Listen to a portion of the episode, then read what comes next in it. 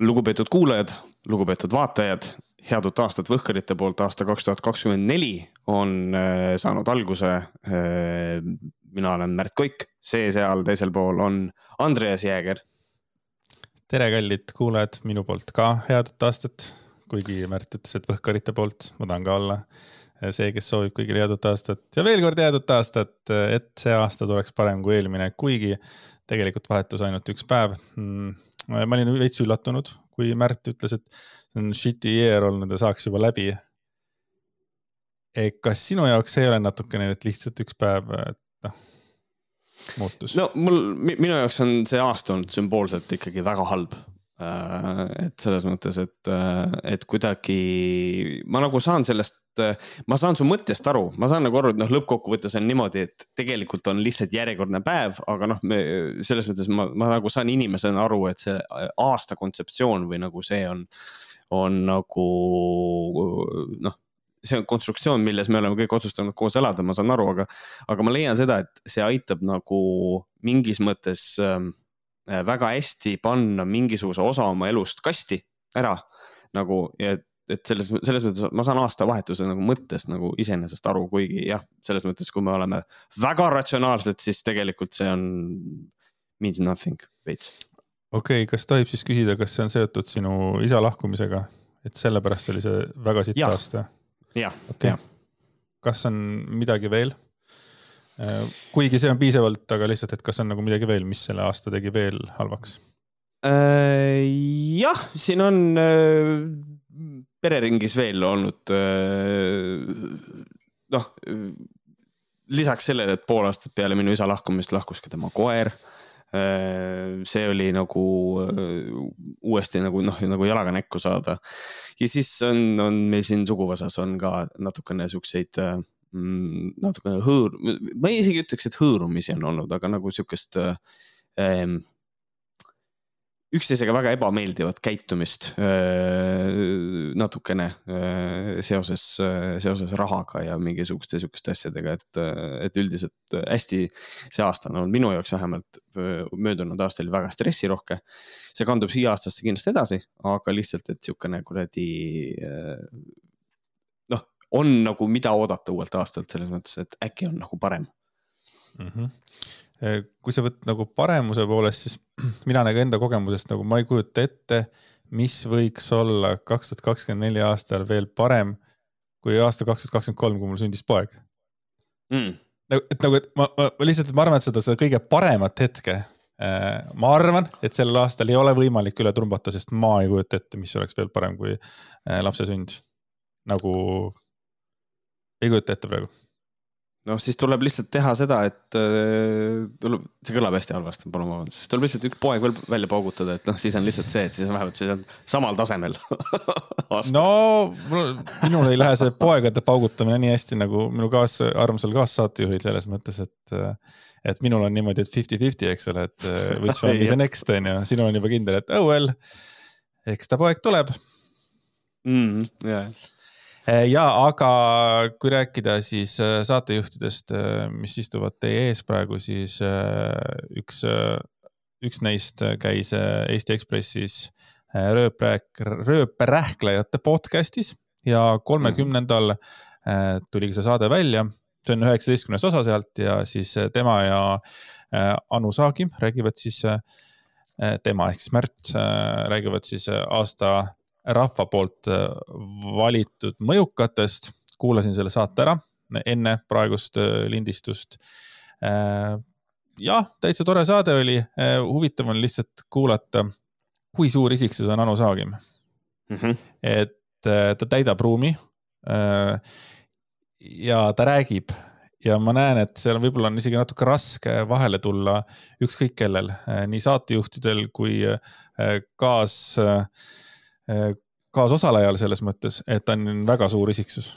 jah, ma arvan, et äh, no ma tunnistan, mul tegelikult äh, ei olnud see ka kõige parem päev äh,. mul oli, mul oli sellel päeval natukene, mul oli, mul oli nagu sitt tuju veits ja siis äh, sellest johtuvalt ma olin natukene nagu kuidagi siukene äh, võib-olla natukene eemalolev, ma küll ei ütleks seda, et ma olin nagu saates väga eemal, aga ma nagu äh, olin nagu selles äh, mentaalses äh, nagu äh, staadiumis, et ma pigem kuulan, kui räägin. aga teisest küljest on nagu see, et äh, tegelikult me rääkisime sellistest asjadest seal saates millest ma olen hästi palju rääkinud, nagu tegelikult me, meie siin sinuga. ma olen oma striimides nendest asjadest rääkinud ja ma nagu natukene tundsin, et mul ei ole öelda mitte midagi uut, ma saan aru, see on mõnes mõttes nagu halb suhtumine, sest et noh, tegelikult podcast'i audients on juba teine, et nagu selles mõttes korda ennast. aga ma tunnen, et ma olen ennast kuidagi nagu tühjaks rääkinud mõnedest nendest asjadest ja, ja selle koha pealt oli väga hea lasta ka Anul rääkida, et kuulata, mind väga huvitas, mida nagu tema ütles, sest et siis, kui, siis kui mikrofon ei töötanud, siis ta ütles asju, ma mõtlesin, see tuleb spicy saade. et, et ühesõnaga, see oli sihuke põnev absoluutselt, sinu kohta mul ei ole ühtegi halba sõna selles mõttes, et lihtsalt ma panin tähele, kui ma ei tea, äkki professionaalsest, professionaalsus minu sees pani seda siis tähele või ma ei tea, ma arvan, et võib-olla muidu ei paneks midagi tähele, lihtsalt inimesed räägivad ja kõik on chill, väga äge. vot, et äh, tubli töö äh,, hea saade oli, kuulake üle äh,. Ja mina käisin Õhtulehes ja käisin sellises saates nagu Avatud kaardid. Äh,, see on siis äh, väitlussaade ja täpselt üks päev enne rööprähklejaid äh, ilmus see siis Õhtulehe veebis, mida saab vaadata, nagu ma aru saan, nii et ei pea sisse logima. Eks ole mm -hmm., lihtsalt lööd avatud kaardid sisse ja seal räägitakse tühistamiskultuurist. Aga ma arvan, et ma isegi soovitaksin ikkagi äh, Märdi striimi järele vaadata, oleneb ajast, et kui sul on äh, aega nelikümmend viis minutit, siis vaata Õhtulehe oma. aga kui sul on aega võtta, ma täpselt ei tea, kaua sa rääkisid, aga noh, poolteist tundi ikka, ma eeldan. ma arvan, et umbes poole sa rääkisid kindlasti veel juurde vaata, et, äh, et siis soovitaks vaadata Märdi striimis seda, kuidas ta lahkas või vaatas või arutas sellesama saate üle jah, äh, ja ütlen kommentaariks seda ka, et äh, Andres sai seal saates väga hästi hakkama. ma, see kõlab natukene halvasti, kui ma seda nii ütlen, aga ma olin positiivselt üllatunud äh, selles mõttes, et Andres ikkagi hoidis minu arust tegelikult ka Laura Valgul tegelikult kõri ikkagi peos nagu. et seal oli nagu, nagu see vibe oli seal ikka täitsa olemas ja see oli väga tugev. et, et et väga hästi, väga hästi õnnestunud, väga hästi õnnestunud saade nagu, nagu Andresel selles mõttes osalemine seal.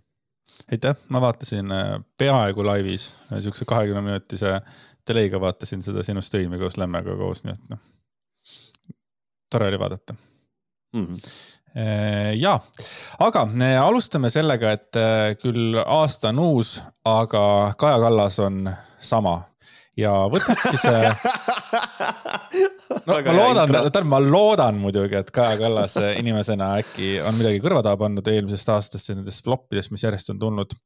Äh, aga teeks sellise väikse Kaja Kallase nurgakese, kus ähm, saavad sõna näiteks Mart Helme. mul on üks väikene Eeva teemade Twitterist leidnud klipp, klipp ka värskelt leitud, et tahaks seda ette mängida. siis, mida räägib Toomas Hendrik Ilves Kaja Kallasest ja ka seda, mida räägib Andrus Ansip Kaja Kallasest ja siis eh, me anname veel omapoolse nägemuse, kuidas eh, meie näeme seda, mida kõik Kaja Kallasest eh, mõtlevad ja arvavad. Davai. vot selline. aga kuulaks siis kõigepealt ära, mida räägivad Mart ja Martin Helme taaskord oma fantastilises saates Räägime asjast. ja Eeva teemad on siis. ehk siis räägime sitast nagu, see nagu, käisin asjal just ja seda klippi siis äh, jagas oma Twitteri kontol Eva Teemad, äh, minge visake follow ja saate äh, targemaks. nii, paneme siis otsast peale kõik rahvad ei, ei, ei identifitseeri ennast eestlaste kombel keele alusel. et ukrainlane võib olla vabalt ukrainlane ja rääkida vene keelt. aga ma ausalt öeldes ma küsin, aga mis vahet mul sellest on?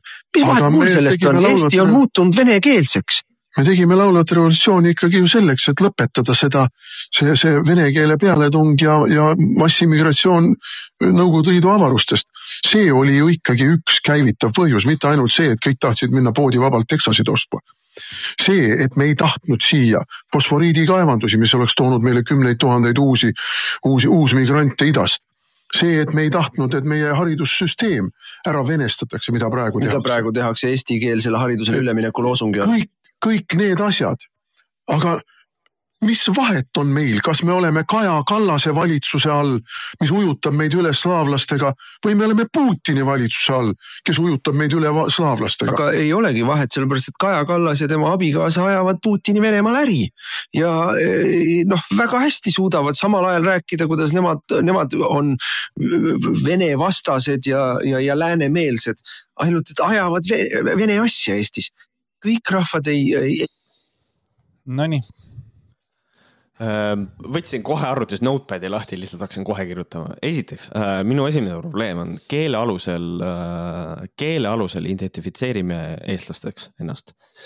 Ehm, see, kuidas keegi ennast mingisuguseks rahvuseks tegelikult äh, peab, ähm, on erinev, seda ei saa ühe seda ei saa ühe puuga lüüa, et meie nüüd, eestlane identifitseerib ennast eestlaseks keele alusel, see on nonsense. Sellepärast et äh, Martin ise ka ei usu seda, kindlasti ei usu, sellepärast et see siis tähendab seda, et kui äh,, kui näiteks tuleb äh, noh, toome siukse kõige krõbedama EKRE, EKRE-le mittemeeldivama näite. mustanahaline inimene Keeniast kolib Eestisse elama, õpib eesti keele selgeks, võtab endale eesti keele kodakondsuse, siis tegelikult Martini seisukohast antud hetkel tähendab see seda, et tegu on eestlasega. keele alusel on ta eestlane. kui see on ainult keele alusel, kas see siis tähendab seda, et ta võib ülejäänud oma kultuurilisi norme ka siin nagu pidada või nagu, või nagu mitte? et selles mõttes Martin räägib siin sellist juttu, mida ta ise ei usu, ma olen sellest täiesti, täiesti veendunud, vabandust, mitte Martin, aga Marta. et ta räägib siin sellist juttu, mida ta tegelikult ise ei usu. teine asi Mart räägib äh, laulvast revolutsioonist äh, kuidagi kiitvalt kosmo laulvat revolutsiooni, tuletan meelde, Mart Helme nimetas seda kas massihüsteeriaks või midagi, seda laulvat revolutsiooni, sest et ta, ta sisuliselt ei osalenud selles. et mulle meeldib see, kuidas ta on nagu kahe jalaga erinevas nagu ämbris nagu antud hetkel. ja siis viimane asi on see, et sama asi on elada Kallase all ja Putini all on kaks täiesti noh, kah nagu siin võrreldakse lihtsalt nagu täiesti erinevaid asju, et selles mõttes Putini all elamine tähendaks osa Vene Föderatsioonist, Vene kultuuriruumist, kõigest sellest. aga Kallase võimu all siiski tegelikult aetakse Eesti asja, lihtsalt see nägemus Eestist on võib-olla teistsugune kui, kui nagu Martinil. sellepärast, et Martin peab eestlaseks iga inimest, kes eesti keelt oskab, põhimõtteliselt see on see, mis siit jutust välja tuleb. et, et see on tegelikult ikkagi, no ma saan aru, ta selles saates liialdab, aga see on erakordselt rumal, on nagu see ma saan sellest keele alusel ja see kõik okei okay,, noh loll, aga ma saan aru nagu räägime nagu valijaga. aga see valija, kes ütleb, ongi õige, vahet pole, kas Kallas või Putin. see on nii madala laubaga jutt, et noh, see on lihtsalt, paneb imestama, et inimene on suuteline iseseisvalt hingama jah, see viimane lause või see viimane osa sealt sellest tekstist oligi minu arvates nagu mind, mind kõige rohkem häiris just see, et et kui, kui, kui räägib nagu, kes see oli siis, Martin Helme, no mõlemad rääkisid sama asja, et vahet ei ole, mille all sa elad, kas Kaja Kallase või Vladimir Putini all. ja siis on terve hunnik ju neid, olemas neid jüngreid, kes päriselt vihkavad samamoodi vist Kaja Kallast nagu nii hirmsasti, et nad, kui neile küsitakse ka, et noh, kui ma ennem, ma ei tea, elaksid koos, kas Putini või Kallaga, Putin, temaga saab veel, aga Kaja Kallas, see on ikka nagu täielik debiil. sellist vihkamist nagu äh, süstida nagu oma äh, kuradi jälgijatesse ja, ja valijatesse, see on, see on nii rets lihtsalt, seda on nii raske kuulata, et siin ei ole praegu enam vahet isegi nagu, et kellest räägitakse, et no ükskõik keda, keda võrreldakse, et noh, see on lihtsalt, see on, see on, ma ei saa öelda, et see julgeoleku, oleku oht on ju, aga see, kuidas nad enda seda kuulajaskonda ja, ja, ja, ja valijaskonda nagu siis töötlevad see on nagu fantastiline nagu nende poolt vaadates, väga hirmus Eesti poolt vaadates. ja sellega ma olen nõus, kusjuures ma ise mõtlen nagu selle peale, et noh, tegelikult see on nagu see suur mõttekoht nagu seal kohapeal on nagu see, et äh,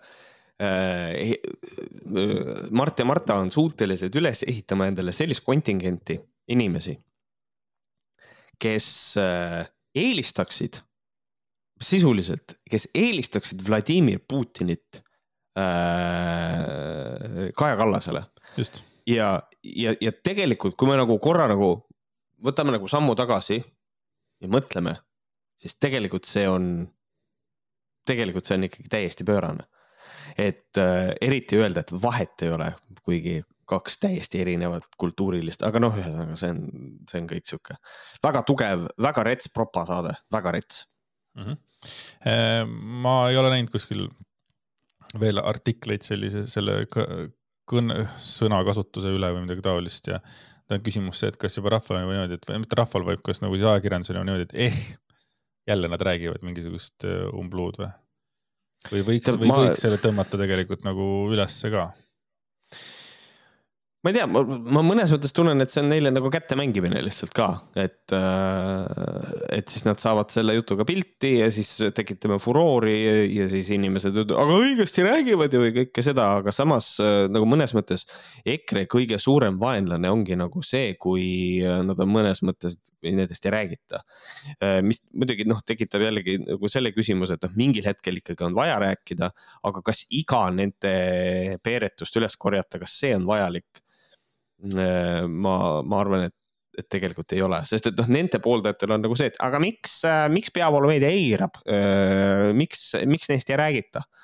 ja siis, kui neist räägitakse, siis on, aga miks neist kogu aeg räägitakse, miks nad kogu aeg hambus on, et noh, seal on nagu see narratiiv jookseb ju kogu aeg. Davai, davai, davai aga lähme ühtede meeste juurest järgmise mehe juurde, kelleks on Toomas Hendrik Ilves, kes sai seitsekümmend ja kõik väljaanded olid temaga vähemalt teinud ühe eh, nelikümmend kaks lehekülge pika intervjuu, kui mitte kahte.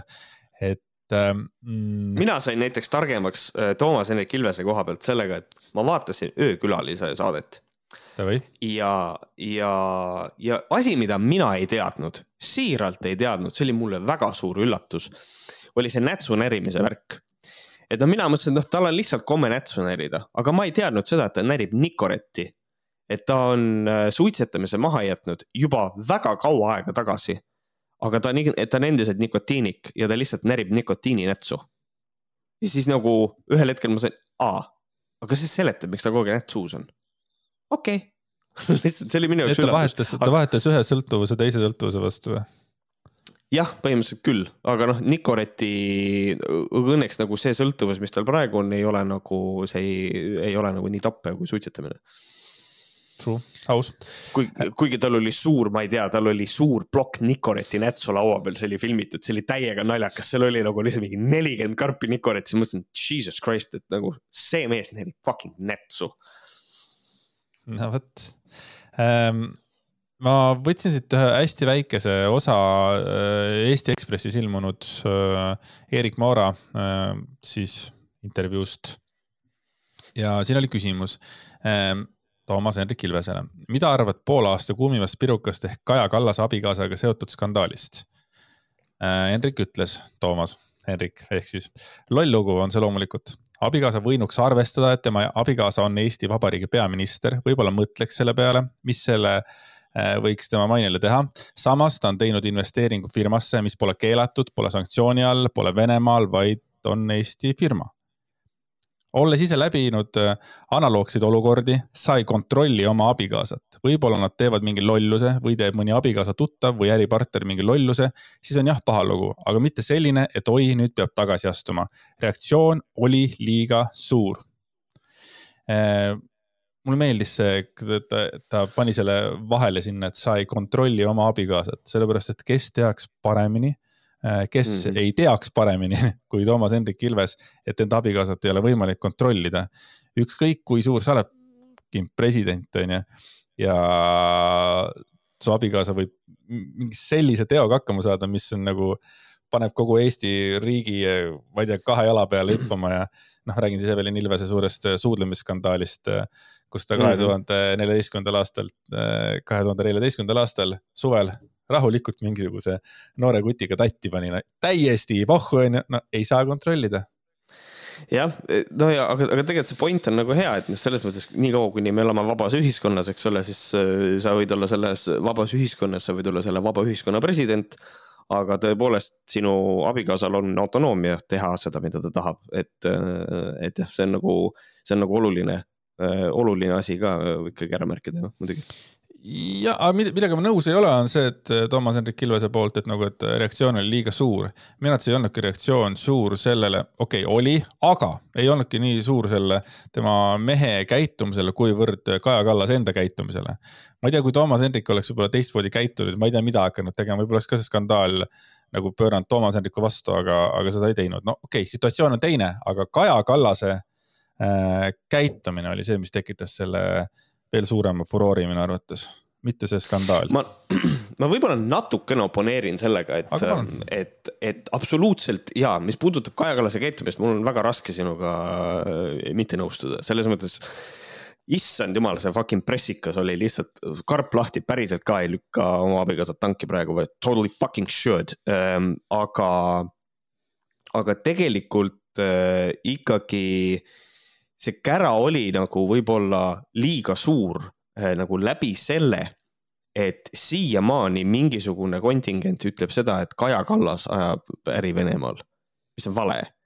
et, et, et võib-olla nagu Kallase otsene seostamine Kremliga ja kõige sellega, millele ka nagu vihjati või nagu, noh, mitte ei vihjatud, aga kuidagi see narratiiv natukene nagu toetas seda et võib-olla selle koha pealt natukene nagu, nagu üles paisutatud, et nagu ma saan aru, Arvo Hallikut mitte keegi ei saanud kätte, ma saan ma saan pihta nagu, ma saan aru jah, see on nagu probleem ja keegi tõesti ei saanud teda kätte, ei oleks pidanud.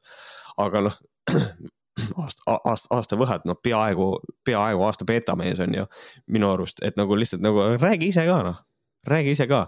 Ja see nagu panigi nagu äh, hoopis luubi alla Kaja ja siis Kaja nagu pidi nagu rääkima oma abikaasa ettevõtte tegevusest, mis on minu arust absurdne. et, et nagu seal võib-olla see ülespuhumine või selline ongi nagu, et noh, natukene nüanssi lisasin lihtsalt. okei okay,, ma pean veel selle ütlema, et aga kui Kaja Kallas äh, ei oleks hakanud õigustama ja nagu sina ütlesid ka rööprähklejates, oleks pisanud rahulikult selle äh, oma mehe nagu rongi alla selles mm -hmm. mõttes, et ja nagu jah, igatahes, et see võimendas seda niivõrd palju, et see skandaal läks palju suuremaks mm. -hmm. ja noh, ma, ma jään selle juurde, et aga sinu argumendid on nagu alati on point vot siis järgmine küsimus oli, et olulisem selles skandaalis on esimesest päevast korraldatud, vabandust, on esimesest päevast korratud väide, et see on hävitanud Eesti võime rahu, rahvusvahelisel tasandil sõna võtta ja seetõttu peab tagasi astuma Toomas Hendrik ütles. kus nemad äh, teavad midagi sellest? Kaja Kallase võime mõjutada tuleneb sellest, mida ta ütleb ja kuidas ta ütleb. Õnneks on meil praegusel kriitilisel hetkel kogu siseriiklikule virisemisele vaatamata peaministriks kõige aegade ehk alates tuhande üheksasaja kaheksateistkümnendast aastast kõige andekam välispoliitik. peaministritest kõige taibukam ja nii kaugel teistest ees, shut the fuck up sulgudes, pange oma kuradi suu kinni Äh, me ei ole tema sisepoliitilise lähenemisega tihti nõus, aga see on normaalne. et äh, ja, Toomas Hendrik Ilves, Ilves äh, ütleb asju, ütleb asju, ütleb asju otse ja noh, see on päris hea, et kui ei oleks I m the real winner here juba ennem ära öeldud, siis see oleks ka päris hea. kui peaks mingisuguse aasta võha andma näiteks vahvale lausele või midagi taolist, ingliskeelsele lausele Shut the fuck up. Noh. see on, äh, sellega on nagu selline asi küll, et, äh, et paneb nagu mõtlema selle peale, et poliitikuna on nagu kõik on saavutatud. noh, mõnes, noh, noh, okei okay,, noh, võib-olla mitte kõik, aga no sisuliselt, et sa, sa said seitsekümmend, sa oled olnud Eesti Vabariigi president. Äh, teinud kõva poliitikat enne seda ka Eestis ja siis sa võid endale lubada sihukest asja. meil on kõige kõvem peaminister üldse siiamaani, nii et shut the fuck up intekas öelda. I kind of respect that, see mulle väga meeldib mm. -hmm. ei, äh, Toomas Hendrik ütleb asju, teda on vahepeal täitsa tore kuulata jah, sest et äh, siin viimasel ajal ongi, et kui, kui Toomas Hendrik annab intervjuu, siis jälle sotsiaalmeedias jagatakse, lugege, mida räägib DHI, lugege, mida ta räägib, et noh, et ta on niisugune väga julgete väljaütlemiste ja kõigega. nüüd rääkides julgetest väljaütlemistest. Andrus Ansip mõtles, kurat, paneks ka veits hullu. ja Andrus Ansip andis mõista, et Reformierakonna juht tuleks välja vahetada, sest et Kaja Kallase usalduskrediit on kadunud ja lugu siis selline, Delfi kirjutab, et Ansipi sõnul on Reformierakonnas tugevaid inimesi üksjagu, kes kõik võiksid kandideerida erakonna juhiks. Väga oleks tahtnud nüüd, et Andrus Ansip, Ansip oleks äh, andnud ka veel mingisugused nimed, sellepärast et neid on üksjagu, kes võiks äh, kandideerida erakonna juhiks, et äh, okei okay., nagu ütle, ta... hakka name drop ima noh ta oleks võinud ju, viska no, siis viis nime õhku no,, suva ei ole. selles mõttes meie võime name drop ida jah, et kas Pevkur või Michal või meie võime seda teha, aga Ansip ei saa seda teha, sellepärast et ta ei saa anda eh, mitte ühtegi nime välja, sest et see tekitaks erakonnas tegelikult pingeid, mida tal praegu nagu rohkem juurde vaja ei ole. aga sellise jutuga ei teki rohkem pingeid või? sest et siis on äh, juht, kes on niikuinii tule all, on lihtsalt natukene rohkem tule all, aga nii, aga sellel hetkel, kui Ansip, kes on olnud Eesti Vabariigi peaminister, ütleb, et noh, näiteks Hanno Pevkur, siis ta paneb tegelikult Pevkurile kohe nagu prožektori peale ja siis võib hakata näiteks mingisugune Kallase leer, Kallas ise hakkama Pevkurit näiteks mingist asjast välja jätma, et hoolitseda selle eest, et ta ei ohustaks tema positsiooni. et ärme unusta nagu seda ära, et ka erakondade sees on poliitilised mängud. et, et mina leian seda, et see, et ta ei nimetanud ühtegi, on äh, täiesti teadlik, äh, et mitte äh, ohustada nende tugevate inimeste positsiooni mul on selles mõttes raske uskuda just, et mulle Ansip tundub ka nagu ma ei mäleta väga, aga ta ütles ka omal ajal kõik asjad otse välja, onju, aga ta tundub selline äh, no bullshit äh, jutuga ka samamoodi, et kõik lendab välja, vaata, et siis sellepärast ma nagu oleks oodanud ka Andrus Ansipilt nagu noh, natuke rohkem, et tere, no viska siis viis nime, et ei oleks siis äh, mingit äh, kellelegi sihikut peal, aga et kui ta ja. ütleb, et neid on Muidugi... jagu, noh muidugi power move oleks olnud see, et Ansip oleks lihtsalt nimetanud kõik juhatuse liikmed peale Kaja Kallase lihtsalt järjest kõik ja kõige lõppu oleks pannud ühe nime veel. Mart Võrklaev. Just to fuck, just to fuck with people ja see ja, ja see on Võrklaev okay.. et nagu see, kes juhatusest välja, no Mart Võrklaev ka. What? see oleks, see oleks tore olnud. just, oleks ilmselt see juhi vahetus tuleb varem või, varem või hiljem teha. ma arvan, et pigem varem, lausus ta. jah, jälle on mõte, et mille põhjal selline arvamus, sest et alles oli juhi valimine mm,? alles oli juhi vahimine, vahimine oh,. Yeah. aga vaata, aga vaata, sellega on ka üks jama, vaata Reform, Reformierakond valis ka juhi ja siis valis kohe järgmise või mitte Keskerakond, vabandust. et nemad ka valisid juhi ära ja siis põhimõtteliselt you know what, tegelikult ei, vahet, tegelikult ei, vahetame ikkagi ära. et äh, noh, mõnes mõttes sihuke. tahaks, tahaks teha mingid panused äh, Ansipiga, et mis see varem või hiljem on, et kui see varem läheb, siis kas poole aasta jooksul on varem või poole aasta jooksul on hiljem see on, mina arvan, et see on äh, valitsuse lõpuni ah.. mina arvan, et see on nii. et äh, ta sai, ta sai oma Reformierakondlaselt mandaadi valitsuse lõpuni ja siis siit edasi võiks keegi teine erakond juhtida. okei okay,, aga kuskil on ikkagi nende jaoks ka olemas piir. kui viisteist on see, millega nad praegu on hädas, kas kümme on see, et fuck this Kaja Kallas ja tule siia, Michal poiss või midagi taolist Kalle, Kalle Grünthal ütleb, Kristjan, Kristjan, tule siia. Kristjan, ja, ja Kristjan, ah vahet ei ole, Kristjan.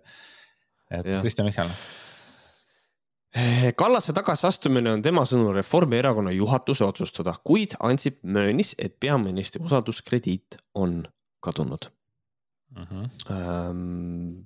noh, jah, see on juhatuse otsustada siis ilmselt selles mõttes, et noh, et juhatus ühel hetkel ütleb, et kuule, Kats, et äh, noh, nagu sa just ütlesid, et nüüd on kümme prossa käes, et suht putsis on, et nagu tahaks järgmised valimised võita, vaata Reformierakonnal väga tugev streak käib, et nagu me oleme kõik valimised kinni pannud sisuliselt sellest aastanumbrist alates, et maybe nagu teeme midagi.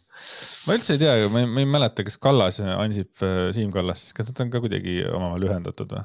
ma eeldan, et võiks olla vana, vana kaardivägi, eks ole nad on ühendatud ja neil on, nad on ühes erakonnas kõik. ei, ma, ma lihtsalt mõtlen seda, et nagu just see, et Andrus Ansipi julgus lihtsalt nagu paugutada tegelikult. kas seal ei hakka tekkima, ei teki mingisugust nagu seda, et okei okay,, et me oleme ikkagi nagu sama Zunfti esindajad, me oleme vanad kooli koos võitlejad, no mida iganes, et mm. -hmm, mm -hmm. ei aga ju, mitte ju ta on nagu. Märt Koik selles mõttes, et äh, tema ütleb seda, kui tema näeb, et on vaja öelda. Jah, nagu kui keegi ütleb midagi lolli. I will call you out lihtsalt. nii, aga Ansip jätkab, selle põhjuseks äh, pole mitte ainult Vene äriskandaal, vaid üldisem suhtumine ja poliitika tegemise viis. Nad on valmistanud inimestele pettumuse ja küsimus pole enam ainult Reformierakonna viie, viieteistkümneprotsendilises toetuses, vaid selles, et kui seitsekümmend protsenti Eesti rahvast soovib peaministri tagasiastumist, siis on see väga tugev signaal ja kui valitsuse toetus on ainult kolmkümmend kolm protsenti, siis seda tuleb pidada julgeolekuohuks Eesti riigile. kui meid ähvardab tõsine oht ja usaldus riigijuhtide osas on nii madal, siis on see ohtlik Eesti riigile. see on minu arvates äh, väga hea lause tegelikult ja ma ei ole nagu niimoodi üldse mõelnud, et see on julgeoleku oht, kui meil on äh, tõesti juhivad riiki sellised, keda noh, enamus rahvast ei usalda. et äh, väga, minu arust see on nagu hea mõte selles mõttes. jah, see mõnes mõttes noh, see on ka nagu siseriiklikult nagu julgeolekuoht, et nagu selles mõttes, et ühel hetkel minnakse sitaarkidega Toompeale lihtsalt, et nagu, et nagu kõige selle mõttes nagu, nagu jah, no ma mõtlen seda ka, et kui ongi lõpuks nii, et, et äh, inimesed mõtlevadki nii, et ah fuck that, et äh, kuna Kaja Kallas on seal ees, siis ah, see ei ole mingi minu Eesti. Ja ma saan aru, sa ütled, et siis sa ei ole õige eestlane, sa oledki äh, ebatore inimene, aga see võib juhtuda, kui on olemas inimesed, kes arvavad, et Vladimir Putin on, vahet ei ole, kas on Kaja Kallas või Vladimir Putin, et siis on ka selliseid inimesi, nii et noh. jah. selles mõttes mõnes mõttes võib ju täitsa siin noh, näha nagu seda loogikat küll jah, absoluutselt. ja siis äh, liigume natukene edasi äh,. Siin äh, Kelomees on kirjutanud äh, Andrus Ansip Kaja Kallase võimalikust eurokampaaniast äh,. et äh, Eesti Päevaleht uuris, et kui kaugel on Euroopa liberaalide parteigrupp ALDE oma eurovalimiste esikandidaadi otsingutega ja kas lootust oleks Kaja Kallasel. Ja küsimus, et kas Kaja Kallas sobiks esikandidaadiks, vastas siis äh, Ansip, et me ju näeme praegust valitsuse toetust. kas tahame, et see sünniks Euroopa tasandil, kust tuleb see usk, et kui koduriigis on erakonna toetus selle sajandi madalamaks kahanenud, siis seesama ei või juhtuda mingil muul tasandil, vastas ekspeaminister. tegudega tuleb oma võimekust tõestada ja seda tõestust praegu ei ole, märkis ta. et igal võimalusel Andrus Ansip äh, minu arvates nagu kuidagi õõnestab Kaja Kallase tõsiseltvõetavust. mõnes mõttes on nagu see, noh, siin on kaks asja. esiteks, need väljaütlemised, mida Ansip teeb, see on tema eurovalimiste kampaania on see, seda esiteks. nii nad räägivad jah, teine, räägi, Eh, laienda, laienda, laienda seda mõtet korra. mis see Et- tähendab?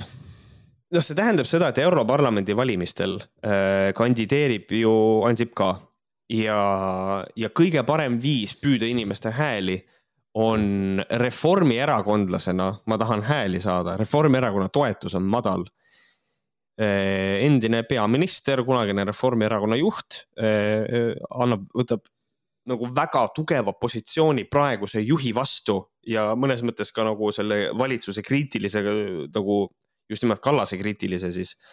ja siis, et sellega nii-öelda võita hääli nendest, kes on kaotanud usalduse Refi suunas või Kallase suunas, et nad ikkagi hääletaks Reformierakonna kandidaadi poolt ja et ta saaks Europarlamenti.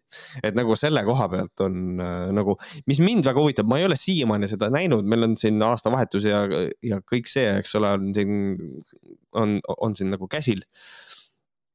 kui nüüd Kaja Kallaselt ei tule eh, mitte mingisugust ähm, otsest vastust, kui veel ei, sest et mina ei ole nagu meediat nüüd paraku ka nagu jälginud, et kas ta on kuidagi seda nagu tugevalt kommenteerinud või mitte. muidugi ma võiksin minna ta Facebooki lehele sealt otsida, hakata seda. aga küsimus on nagu selles, et kui ta nagu otseselt seda asja ei kommenteeri, mida Ansip on öelnud, siis mõnes mõttes siin võib olla täiesti vabalt nagu see, et see on, ma ei taha öelda, et see on kokkumäng. aga ta annab veits kokkumängu vibe'i siis sellisel mõttel, et nagu selles mõttes, et äh, see oleks nagu sihuke 4D male mängimine, et äh, kuule äh,, Kaja, ma kirjutan, annan intekat, kus kohas ma olen sinu suhtes väga, väga kriitiline ja Kallas saab aru, ahah, aga see paneb Reformierakondlase Europarlamenti tõenäoliselt. et nagu siin on nagu sihuke äh, poliittehnoloogia võiks nagu võimalik olla, aga samal ajal on Andrus Ansip minu arust kogu aeg olnud Kallasel veits nagu kriis, et nagu selles mõttes siin võib-olla ma kirjutan siin mingisugust teleseriaali stsenaariumit, et tegelikult need asjad on palju lihtsamad ja ta päriselt ongi kriitiline. või äh, on Kaja Kallas võtnud endale mingisuguse nõuniku, kes ütles talle, et ära vasta. Ära vasta Toomas Hendrik Ilves. et, et ära, ära ütle mitte midagi, see kaob, las ta plõksib seal. täiesti Mhm. pohhui. ja siis Kaja Kallas, Kaja Kallas mõtleb, oh nagunii see terve see aasta on olnud siuke paras Kaja Kallase nahutamine, et ma tean, ma olen ja vait, ma ei jälgigi meediat ja siis pani kahekümne üheksandal detsembris Facebooki sellise teksti, et. et nagu te ilmselt juba teate, olen suur raamatusõber, kuid töö kõrvalt mul palju vaba aega ei ole. ja siis on pannud äh, hunniku raamatusoovitusi siia, äh, mida ta on lugenud ja mida ta vist tahab lugeda vist või? Mhm. ei, vot. ja seal äh, hulgas on ka Siim Kallase raamat äh, Mina loomulikult. loomulikult, kuidas, kuidas saaks, ta on küll eelviimasena siia pildi peale pandud, aga see on, ma arvan, strateegiline move, movement, replacement, placement, midagi taolist. jah, just, just. Äh, vot, aga äh, liigume äh, edasi mm, vanemate meeste juurest nooremate meeste ja nooremate naiste ja tüdrukute juurde, sest et on tehtud uuring ja sellest on kirjutanud ERR-is Sandra Saar kus uuriti asju. Ja siin on kirjas, et sellest selgus, et Eesti poiste arvates sobivad mehed poliitikasse paremini ning ennast näevad poliitikas ja ühiskonnaelus osalemas pigem need, kelle teadmised ühiskonnast on kehvemad. sellest on tegelikult lamenti löödud juba sotsiaalmeedias küll ja veel, et, et selline, selline siis statistika sellest tuli, mis on nagu what the fuck nagu esimese mõttega onju ja, väga rets. ja teine pool sellest on see, et ning ennast näevad pigem poliitikas ja ühiskonnaelus osalemas pigem need, kelle teadmised ühiskonnast on äh, äh, kehvemad. ja siis mul kohe esimene mõte oli see, et see peegeldab väga hästi nagu praegust äh, poliitika seisu. et äh, äh, aga jälle, et kas siis nagu, kas siis nagu tulevik on siis äh, ongi nagu, kas, kas, kas nagu poliitiku karjäär muutubki nagu siis nagu päriselt nagu rumalate inimeste pärusmaaks ja ongi nagu võimalus? ma arvan, et üldiselt võib-olla ikkagi ka nagu mitte. et populismil on ka nagu mingi piir, kus maalt enam ei tööta, nagu ma mõtlen nagu ajaraamis ka nagu, et nagu selles mõttes väga hea on paukuda kogu aeg. ma nagu mõnes mõttes tegelikult nagu tervitaksin seda ideed ka, et, et äh, ma olen siin nagu suure kõva häälega välja öelnud, et Reformierakond võidab ka järgmised valimised. ma mõnes mõttes äh, ikkagi tunnen ka seda, et, et nagu võiks ka keegi teine võita, võiks Isamaa võita ka, onju. ja, aga ütlen ka selle välja, võiks ka EKRE võita, et nagu selles mõttes, et mina leian seda, et äh, Eesti Konservatiivne Rahvaerakond võiks ära käia valitsuses ja istuda valitsuses et, et rahvas näeks seda ka. et need on need mehed, kes on suuga nii suuri linnasid ehitanud. aga, aga kui nad päriselt peavad tööd tegema, siis lugupeetud valija ei saa tegelikult eriti mitte munnigi nende käest. et, et mina leian seda, et nende kõige suurem vaenlane on võim. no me natuke nagu nägime tegelikult ka, et neid seal siplemas sellisel raskel ajal, nagu oli just koroonaaeg alanud ja värki-särki ja mm. -hmm. aga ega sellest ei räägi enam keegi. sellest ei räägi enam keegi, et, et, et, et nemad panid lasteväljakud tegelikult selle, mis asja mm, -hmm. mingi kuradi asja tõmbasid sinna ette, lindi tõmbasid ette. Sellest ei räägi keegi. et ja, ja, ja siis loomulikult, aga tuletage meelde, meie ajal ei olnud mask kohustuslik, vaid oli rangelt soovituslik, mis on nagu kuradi äh, aitäh, ma ei tea, kas sa olid viieaastane, Marta, või mis seal toimub, aga nagu see ei ole ka nagu normaalse inimese jutt, mida nagu rääkida. kust see Marta tuli nüüd, palun selgita mulle. ma, ma lihtsalt hakkasin teda Martaks kutsuma. lihtsalt tuli üks hetk ja nüüd ta on Marta. jah sa, see on. ma, ma võib-olla kogemata ütlesin, tahtsin Martin öelda, mul on alati see, vaata, ma õnnet sassi, ma ütlen, tahan Martin öelda, ütlen Mart. ja siis ma kuidagi tegin kaks asja kokku, ütlesin Marta kodus ja siis ta on Martaks jäänud mul. selge, see on, see on nagu lihtsam võib-olla üldiselt ka nagu seda igasugust vestlust nagu jätkata, sa ei pea ütlema pikalt, et Martin Helme või mingi, noh, Helme, Martin. Marta. sa ütled Marta, Marta., nüüd kõik teavad, onju. vot, aga lähme tagasi siis uuringu juurde ja uuringu üks autor ja Tallinna Ülikooli õppejõud Maarja Tinn rääkis, et Eesti poiste hoiakud soolise võrdõiguslikkuse võrdõiguslikkuse teemal on muutunud viimaste aastatega oluliselt tagurlikumaks.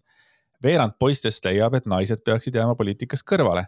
pooled noormehed arvavad aga, et mehed sobivad poliitikasse naistest paremini ning naistel pole ka asja rääkida kaasa poliitikas kodanikupositsioonist.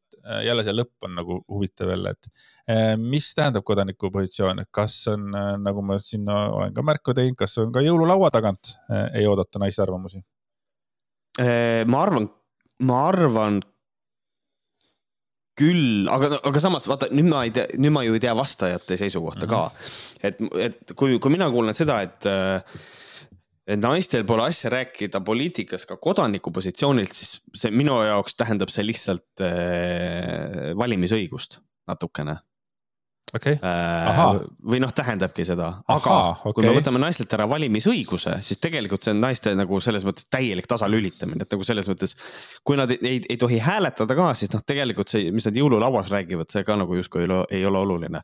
ma küll saan aru sellest, et jah, et kui naistel ei ole hääleõigust, siis tegelikult naised saavad äh, nagu ikka, sest et perekonnad niimoodi toimivad, et noh, tegelikult nad saavad jõululaua taga veenda ka oma meessoost abikaasat, et ta hääletaks teistmoodi. Sure mm, -hmm. that works as well, ma saan abs absoluutselt. aga mängime nüüd ühte Aga... mängu, Märt, mängime korra ühte mängu, ma korra segan sind. Äh, sul on äh, valikuvariandid mm. You have to choose one valik. jäta see meelde mm, -hmm. on vaja vastust. nüüd, nüüd ongi küsimus, kes peaksid osalema poliitikas? kas mehed või naised? Sa pead vastama ühe nendest.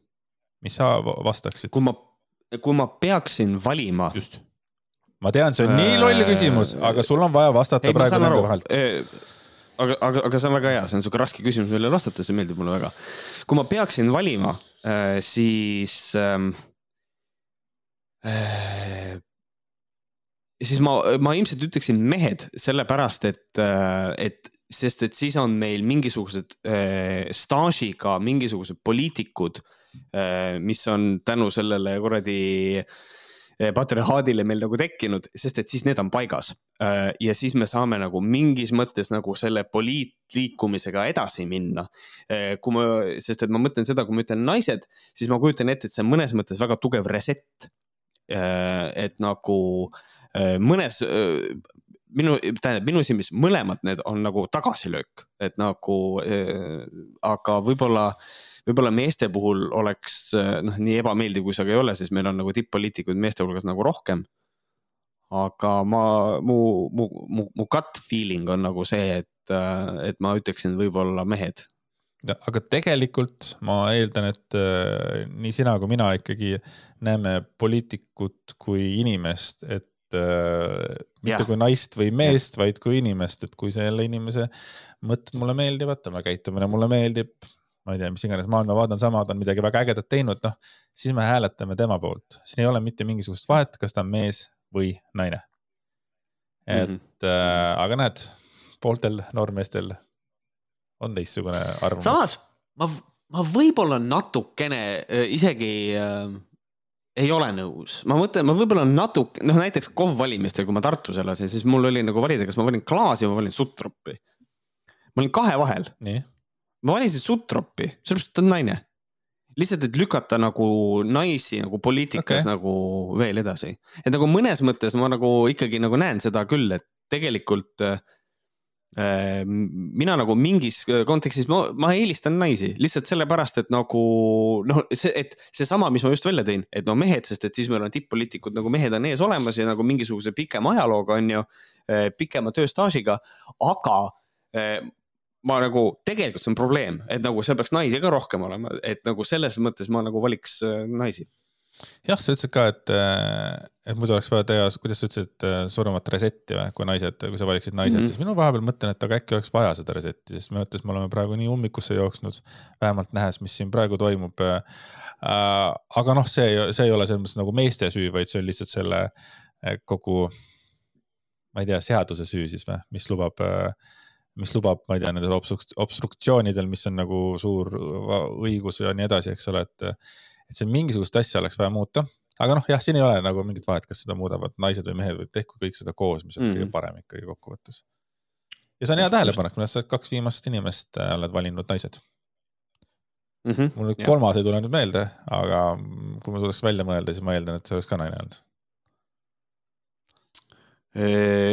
võimalik jah mm. -hmm. Nii ja siis artikkel jätkab niimoodi, enne kahe tuhande kahekümne teist aasta uuringut, kahekümne, kahekümne, kahekümne teise aasta uuringut tehti sama uuring kahe tuhande kuueteistkümnendal aastal ja me näeme, et see ei olnud praegu väike tagasiminek, vaid toimunud on ikka väga oluline tagasiminek. nagu, nagu mõtle, mõelge korraks kuulajad selle peale, et aastal kaks tuhat kuusteist me olime siis nagu rohkem arenenud kui aastal kaks tuhat kakskümmend, noh siis kaks, eks ole. see on hirmuäratav, sest et äh, kui ma võtan kasvõi, mõtlen praegu iseenda seisukohast, et kui mina, kas ma olin kaks tuhat kuusteist, kaks tuhat kakskümmend kaks. kui ma oleks pidanud olema mm -hmm. praegu tagasi minema sealt aastast kaks tuhat kuusteist, siis ma oleks põhimõtteliselt praegu tagasi kuskil seal maa puu otsas ma, ma mõtlen, huvitav, kui palju see seotud on, et äh, kaks tuhat kuusteist, kas sa mäletad, kes võimule sai? ei mäleta, aga noh. Ameerikas. ahaa, kas sa, kuna ta sai, oli kaks tuhat kuusteist või? kaks tuhat, äh, kaks tuhat kuusteist, jah äh,. Donald Trump. vaat sulle siis. et et ma mõtlen lihtsalt nagu seda, et, et ähm,. jah, kaks tuhat seitseteist jaanuar kakskümmend siis in office, aga noh, valiti ju ennem. jah, kaks tuhat äh, election oli kaks tuhat kuusteist, et ma mõtlen nagu selle peale, et et see ikkagi nagu raputas maailma kultuurimaastikku nagu nii palju, et, et selline tugev vabariiklaste eest seisev, kes praegu seisab, ma ei tea, mille eest äh, et, ähm, et, et see ikkagi nagu mingisuguse shift'i endaga nagu kaasa tõi, et mingisugune äh, väljamõeldud äh, narratiiv mingisugusest nuclear family ja mingisugune kõik selline asi, et see on ikkagi, ma leian, et siin nagu ikka vast mingisugune seos on sellistel nagu traditsiooniliste asjade hoidmisel ja siis äh, traditsiooni ja see nii ebameeldiv, kui see ka ei ole, siis traditsiooniline millegipärast tähendab seda, et naine ei räägi poliitikas kaasa ja peab kodus süüa tegema kogu aeg, et et see on kuidagi niisugune huvitav. väga, väga, väga, väga, ja väga hea tähelepanek äh, tulemused on asjatundjate sõnul murettekitavad. see teeb muret sellepärast, et kui vaatame kääre, mis on poiste ja tüdrukute vahel, siis tundub nagu elaksid Eesti poisid ja tüdrukud täiesti erinevates maailmades. kaheksanda klassi tüdrukud on tema sõnul oma vaadetelt väga progressiivsed. Äh, kui kõrvutada neid teiste riikidega, siis oma mõttemaailmalt sobituvad nad Põhjamaade eakaaslasse sekka kohati edestavad Eesti tüdrukud isegi Rootsit. kui vaatame aga poisse, siis nemad on skaala teises otsas koos Serbia ja Rumeenia poistega, kus on omane post-sovest, oota, proovin uuesti, postsovetlik äh, mõtteviis äh,. Serbia, Rumeenia, Rumeenia poisid kõlab nagu mingisugused kuradi kõurikud, mingid siuksed nagu mingid eriline mingisugune nagu solvang selline teksti sees, ma ei tea, miks on, on, on, on. Äh, kas Rumeenias, kus see, kus see Tate on ka, on kuskil Rumeenias või kus ta ka istub praegu? Tate istub Rumeenias no,. väga, väga kuidagi sobiv siia äh,. Oli sul mõte? et ähm, ja mul oli nagu see mõte, et, äh, et noh, tegelikult, et äh, see on nüüd nagu see olukord, kus kohas tegelikult inimesed ütlevad, no aga need ongi normaalsed riigid, aga siis ongi nagu see, et noh, tegelikult inimesed võrdlevad ennast alati nagu nende riikidega nagu, mis neile sobib, et noh, et tule, kas ma tahaks võrrelda Serbiaga praegu Eesti Vabariiki, no kindlasti mitte. aga, aga siin on nagu hea näide nagu selles, et noh, tegelikult meil on äh, tugevad naised äh,. on nagu tugev naine on ka riigi eesotsas äh,, noh oma, oma, oma väikeste vigade ja ka suurte vigadega on ju, aga meil on noh Kersti Kaljulaid, meil oli president oli naine, et tegelikult meil on ikkagi tüdrukutele on olemas äh, tugevat eeskuju ja nagu see aitab hästi palju kaasa sellele, et noh, fuck, et kurat. ma võin ka olla nagu võimekas äh, teha karjääri, et ma leian, et selle koha pealt on olemas äh, väga ilus nagu põhjus, miks nagu tüdrukud on progressiivsemad, sest et nad näevad, et see kõik on võimalik ja siis noh, see on see, millest kogu aeg räägitakse, et miks on vaja nagu, miks on vaja tugevaid naisi, tugevaid juhte on sellepärast, et lihtsalt, et siis neid tuleb ka juurde, on ju nüüd äh, poiste puhul on nagu see, et ähm, kuidagi ma nagu tunnen, et on mindud nagu kergema vastupanu teed, et nagu nende iidolid on nagu nurgas istuvad ja nutvad mehed, kes ütlevad, et veel me ei ole enam mehelikud, meid ei austata enam. et nagu selles mõttes, et ja see on arusaamatu, et nagu mina olen kõrvalt näinud, et ma võin olla täpselt nii mehelik, kui ma ise tahan olla äh, ja, ja ma ei tunne, et mind keegi ründaks. ja kui keegi ütleb, et miks mees, miks mehed munnipilte saadavad naistele ja siis ma ei, ühelgi hetkel ei tunne seda, et aga miks te ütlete, et mehed saadavad, mina ei saada, nagu tüüd, kui sa tundsid ennast puudutatuna, siis ilmselt sa oled osa probleemist, et nagu selles mõttes, et kui noh, see on jällegi, ma olen seda sada viiskümmend korda rääkinud, aga kui keegi ütleb, et miks mehed nii pealetungivalt suhtlevad siis mina ei tung-, mina pealetungivalt ei suhtle, siis ma tean, et see, see väide ei käi minu kohta ja ma ei pea seda katusele röökima minema nagu, sest ma saan aru, see ei ole nagu nii, see ei ole nagu, see ei ole nagu mina. aga ma saan aru, et mõni naine võib eeldada, et ma võin olla pealetükkiv, sest et ma olen mees, sest et see on peamiselt meeste probleem. mehed on, mehed on sellised, et nagu kuidagi, ma ei tea üldiselt ma leian, meil on probleem hariduses üldiselt, et nagu millegipärast äh, olla mees annab minu arust ühiskondlikult äh, sulle nagu õiguse olla neli korda lollim äh,. ja siis nagu olla uhke ka selle üle ja minu arust on see imelik. jah, samamoodi on mõnel naisel, kellel on mehe nimi, ka nendel on õigus olla neli korda lollim kui keegi teine ja nobody cares nii, äh, jätkame siis äh, ERR-i artikliga. kui konkreetne uuring ei uurinud muutuste põhjuseid, arutati neid uurimisrühma sees, aga ka välismaa kolleegidega. põhjuseid leiab Maarja Tinni sõnul teistest taolistest uuringutest.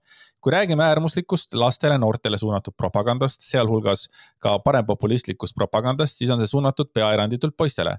tüdruk ei oma selles propagandas subjektina kohta, ta on lihtsalt objekt kellest loomulikult propagandas palju räägitakse, mis on ta roll ja koht, aga see ei ole suunatud neile kui inimestele. seda seetõttu, et taolised vaated ei ole naist kaasavad, vaid rohkem naist paika panevad. jah, nii et. jah, ehk siis kui seda veel lihtsustada, ehk kui seda veel lihtsustada, siis selle point on see, et kuna selles maailmavaates naise koht öö, ei ole poliitikas absoluutselt, siis otse loomulikult öö, maailma parandamise teemadest, see on suunatud poistele, sest et naised ei ole kaasatud. see on nagu, kui seda veel lihtsustada, aga see üsna selge on see selles lõigus niikuinii. Äh, teisalt on poistele ka lihtsam läheneda näiteks mängutubades. What? nagu päriselt nagu, ma saan aru, et see ongi nagu võetud, et äh, välismaa kolleegidega arutatud on ju, aga nagu mul oli ka esimene mängutuba, mis asi on mängutuba üldse? Me ei räägi laste. kusjuures mina mõtlesin. me ei räägi ju laste mängutubadest selles mõttes, et ma viin oma äh, Mellumin mängutuppa, et siis ei ole, seal ei ole mingisugust Erki Keldot ei kõndi ringi ja ei anna mulle kondoomi pakk lapsele kätte, et tule. Lähed, lähed oma kalli, lähen oma pojaga, lähen mängutuppa ja kuskil nurgas on Jaak Madisson. Don't you hate black people? ei, alguses hakkad nagu, rääkima äh, arvutimängudest, siis nad teavad, aa, see on märk, õige laps saab just. rääkida kusjuures ja, ja nüüd ongi see koht, ma mõtlen ise, kas need mängutubades, kas see ei ole mõeldud just nimelt online kontekstis?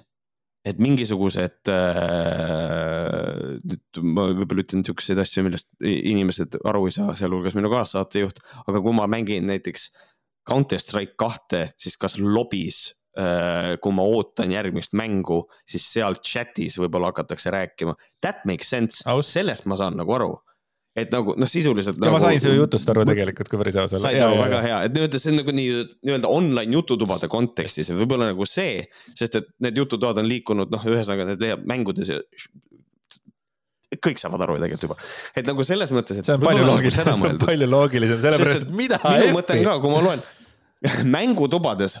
oo, Zebra mängutuba Don't you hate black people? noh, täpselt nagu selline vibe, et, et nagu või on, kui just ei ole äh,, ma ei tea äh,, onu Reemuse mängutuba ainult poistele, siis tekib küsimus mida nad teevad seal, seal nagu seal kasvatatakse, seal kasvatatakse natse raisk. et nagu võib-olla midagi sellist, võib-olla siis. kaasa tuleb võtta ujumispüksid ja nuga jätkame, alguses räägitakse näiteks mõnest mängust ja siis hakatakse jutu sisse puistama ka muid teemasid. nüüd tundub nii loogiline see, mida sa ütlesid. Thank you very much mm. -hmm. ja samamoodi sõidavad Andrew Tate'i sugused Tiktoki. Discord ma enne ei tulnud selle peale, Discordi serverid, prolli on, on tegelikult siin nagu need, et on mingisugused serverid, kus inimesed teevad voice chat'i või räägivad niisama, räägivad seal mängu, jaa, thank you, nüüd me jõudsime tuumani, aitäh. lihtsalt mõtle, mõtle Discord, sain, selge, davai äh,. igatahes ma jäin pooleli Andrew Tate'i suguste Tiktoki äh, kanalis sisse jooksvate äh, jutu juures ja meil Eestiski on suunamudijaid, kes ei näe probleemi nendega koos poseerida. no niimoodi shots fired nagu lihtsalt, et kas äh, Sevakin ja Valting on huvitav seda artiklit lugenud. Äh, ja kui on, siis ma täitsa huviga tahaks teada, kas midagi sees korraks nagu mis tunne seal sees võis olla, kas oli niimoodi, et ei, noh, tegelikult see ei ole nii kuradi lollid kirjutavad sellist asja või nagu päriselt mõtlesid, et no, okei okay,, we fucked up et.... ma ei, no minul on nagu see, et ma ei, noh, ma ei, tegelikult ei ole kursis, ma ei tea, kas, kas see Valting oskab lugeda, aga, aga ma arvan, et see on see Vakini puhul. ma ei usu, et nad lugenud on, miks, miks meediat jälgida, kui seda ise teha, keegi ei ole nendelt Reacti küsinud, siis mis nad, miks nad peaksid lugema midagi? okei okay kui nad loevad, siis ma oleks huvitav teada lihtsalt, et kas seal midagi sees toimus nagu peale selle, et kurat, kahju, et selle pildi ülesse panime, vaid et midagi tehti valesti. nii, on väga palju uuringuid tehtud selle kohta, et kui naine võtab sõna ühiskondlikus plaanis või ka sotsiaalmeedias, siis ta satub oluliselt rohkem kriitika alla, kui mitte rünnaku alla. see omakorda tekitab enesetsensuuri efekti, et naine parem siis ei räägi üldse midagi või kui ütleb, siis teeb seda väikeses turvalises keskkonnas, selgitas Tinn jälle asi, mille peale ma ei ole kunagi mõelnud, sest ma ei ole kunagi olnud naine. et äh, kui naine võtab rohkem äh, sõna. tuleb kohe Varro Vooglaid meelde. mina naisena küll ei tahaks olla sellises positsioonis. okei okay,, jesus christ, rääkides inimestest, kes on gender fluid, siis Varro Vooglaid on nagu viimasel aastal sellega väga hästi hakkama saanud. just, et äh, mina ei ole olnud naine ja ma ei tea, mis tunne on kuskil sõna võtta ja saada rohkem kriitikat et ma ei tea nüüd äh, noh, ma võtan nagu Võhkarit selles mõttes, et me oleme päris palju teemasid käsitlenud. Äh, ma tõstan praegu selle Võhkarite kuidagi kastmesse ja, ja päris tihti me kommenteerime naiste öeldud äh, asju. aga mm -hmm. ma ei tea, mis protsentuaalselt huvitav tuleb, et kes on rohkem saanud puid, kas mehed või naised või kas see on üldse oluline, sest et mina ikkagi tunnen, et ma tegelikult, et ma ikkagi tunnen tegelikult, et äh, ma. poliitikas mehed uhuu teemadel naised, sest et naised on peamiselt uhuu asju ajavad inimesed for some fucking reason. jah, aga mul on see elu, eluaeg on meelde jäänud see, kus Märt Koik ütles, et äh, ta ründab ideid, mitte inimesi ja ma olen sellest teinud samamoodi nagu enda mõtte, et ma ründan ideid mille küljes on siiski inimesed, sest ega ideed teistmoodi ju ei lenda, eks ole, kui seda inimeste mm, -hmm. inimesed ei avalda, et äh, vot, lihtsalt siukene mõte. vot, sellised kurvad äh, lood siis äh, statistikast Andrew Tate'i sugused Tiktokis. jah, et äh, aga siin tuleb korra nagu kuulajale võib-olla nagu mitte nagu lohutuseks, aga see on nagu üks väikene aspekt nagu ikkagi see ka, et tõsi, et äh, et äh, uuringust selgus, et äh, veerand poistest arvavad seda, et mehed ähm, sobivad poliitikasse paremini. Ähm, vabandust, tähendab, veerand arvavad, et naised peaks jääma poliitikast kõrvale, see oli see veel ekstreemsem. nii. see tähendab seda, et seitsekümmend viis protsenti on tegelikult teisel arvamusel. küll aga pooled noormehed arvavad, et mehed sobivad naistest paremini ja naistel pole asja rääkida ka kodaniku positsioonilt, et noh, tegelikult võtame korra, kui te sellest, kui me sellest räägime, siis tasub natukene mõelda selle teise poole peale ka, et nagu tegelikult meil on praegu on suht hästi. sest et kui meil praegu tuleks selle data alusel tuleks äh, mingisugune referendum, siis me räägime antud hetkel ainult poistest ja need protsendid on seal sellised, ärge unustage seda, et uuring ka näitab seda, et tüdrukud on nagu suht väga progressiivsed, et nagu selles mõttes äh, see asi. me näeme probleemi, aga see ei ole. It ain't that bad, but it's bad, but it ain't that bad, kui te saate aru, mida ma. aga ma tuletan igaks juhuks Märdile meelde, et meil on äh, tagasiminek aastast kaks tuhat kuusteist ja mind hirmutab see jah, et tegelikult no pressure, aga tüdrukud, naised, kes seda saadet kuulavad. Teie ülesanne on päästa maailm, sellepärast et meie mehed, we can't do it. Äh, meil on munad liiga rasked, hoiavad meid kinni, hoiavad meid tagasi. ja, aga selles mõttes äh, on palju teisi suunamudijaid ka, kes viivad äh, naisi sinnasamma kohta, kuhu Andrew Tate'id viivad tegelikult oma juttudes äh, sinna ja. kööki ja koju, koduhoidjaks ja nii edasi, selles mõttes minu arust mõlemalt poolt toimib see ajupesu. nojah, aga samas vist naistel ei lähe nii palju, okei okay tead, Laura Valk tuli alles äh, aastal kaks tuhat kakskümmend kolm, nii et äh, võib-olla uutes statik-, statistikates saavad ka tüdrukud lollimaks minna.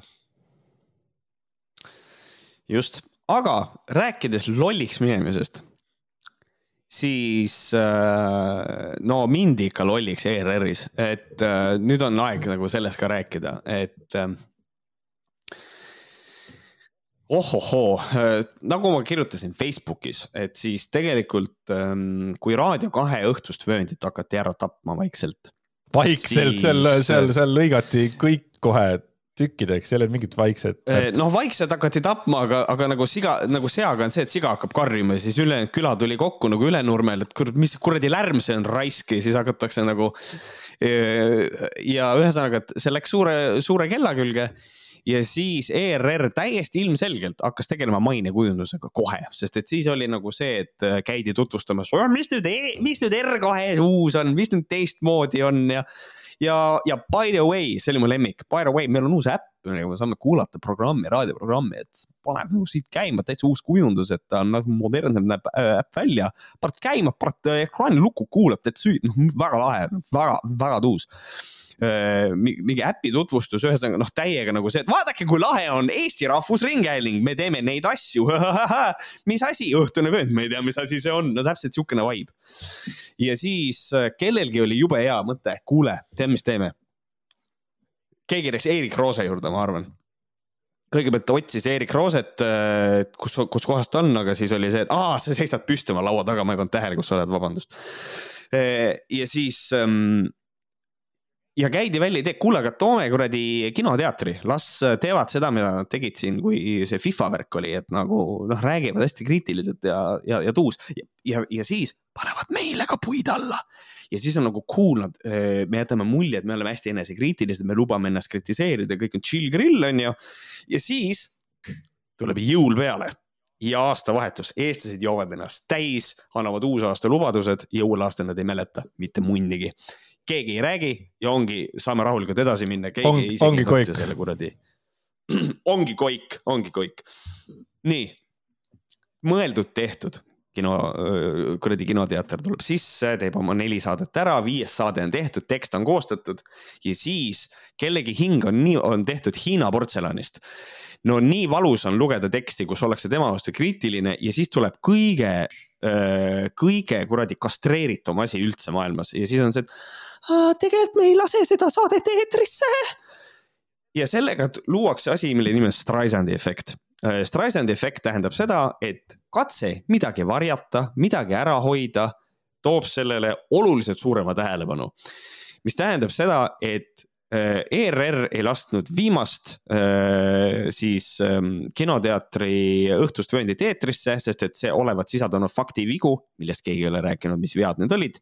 Not a single person Äh, siis ja siis oli suure kella küljes nagu see. isiklikku solvamist oli seal ka, ma mäletan. isiklikku solvamist väidetavalt, ma ei tea, ma ei tea küll kus otseselt, et nagu mm, kõik äkki, oli minu arust väga. äkki nagu, isiklik solvamine oli see, et äh, mida me varsti loeme, et Erik Roose kirjutas ise, ise Vikipeediasse, et äkki see on nagu siis isiklik solvamine.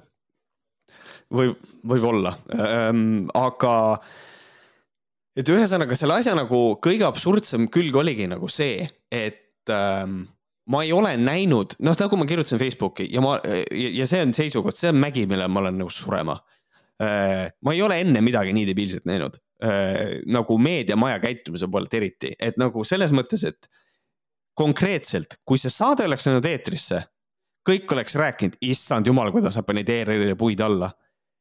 ja kolme päeva pärast ei oleks sellest mitte keegi rääkinud Erik Roose ei oleks pidanud minema kuradi raadiostuudiosse ja ütlema seda, et tegelikult nendele küsimustele peaks vastama peatoimetaja. Eh, türa, miks sa siis läksid üldse stuudiosse, kuradi. Eh, sorry, see ajab mind lihtsalt nii tohutult endast välja, kogu see teema. mina olen näinud ainult et, ühte saadet. türa, sa läksid siis sinna saatesse kuradi rääkima, kui sa isegi ei tea, millest räägitakse nagu. Fuck, oled ühte saadet näinud, no millest sa räägid, et noh, saate stiil muutus, sa oled ainult ühte saadet näinud, you short little man. et nagu ma, ma, ma lihtsalt, ma ei saa, ühesõnaga. kuule nüüd, aga Erik Roose ütles seda, et. ma teen sellest ilmselt video kunagi. Erik Roose ütles seda, et äh, eesmärk oli teha natukene nalja enne jõule ja kõigil, kõigil oleks tore. aga et see ei olnud naljakas. sellepärast ta läkski stuudiosse. nii, aga nüüd ma nagu teistpidi nagu nagu olles sada protsenti sinuga nõus ja kõige kriitikaga, mis ERR on saanud ja Roosest ma ei räägigi, onju. aga see on natuke on see ka, et nagu äh, pea, oota, kes see, kes see, kes see, kes see tegi selle otsuse, et maha võtta? peatoimetaja, peatoimetaja, eks ole, et. väidetavalt, kusjuures väid, mul on selle kohta ka, mul on. okei okay,, aga teeme, teeme korra näo, et peatoimetaja nägi, et midagi sellist tuleb ja ta mõtles, et ta nagu päästab, see oli tema mingi emotsionaalne otsus, nagu ma aru saan, seda ei otsustatud seal mingeid kambakesi, vaid see peatoimetaja otsustas seda, eks ole. ta ei mõelnud selle peale, ta nägi, et okei okay,, nüüd tulid äh, need tüübid, tulid minu tuppa, nad võtsid püksid maha ja kolmekesi lasevad sinna lihtsalt junne, niimoodi järjest. ja ta mõtles seda lihtsalt, et okei okay,, ma lõpetan, pigem see saade ei tule eetrisse. ja tal puudus, peatoimetajal puudus selline arusaam, mis juhtub hiljem see kõik nagu selles mõttes, kas see on võimalik, selle võimalikkus on fakt, nagu ütles Varro Vooglaid ja aga siis on tegu erakordselt sita peatoimetajaga, kes absu absoluutselt ei oska ette näha nagu kõige elementaarsemat asja. kui sa ei lase seda teksti eetrisse siis see tekst on varsti internetis. peatoimetaja asi on selle peale mõelda, kas peatoimetaja töö ei ole programmi kokku panna või? no sure, sure, aga nagu peatoimetajana mina leian, et nagu selle backlash'i peale veits võiks nagu mõelda. et nagu eriti võttes arvesse, mida nagu eriti see, võttes arvesse, mis on see tekst, mis oli pärast Delfis oli loetav, siis see kogu see Delfi tekst, mitte Delfi tekst, vabandust, kogu see kinoteatri tekst, mis oli koostatud ERR-i nagu öö, suunal.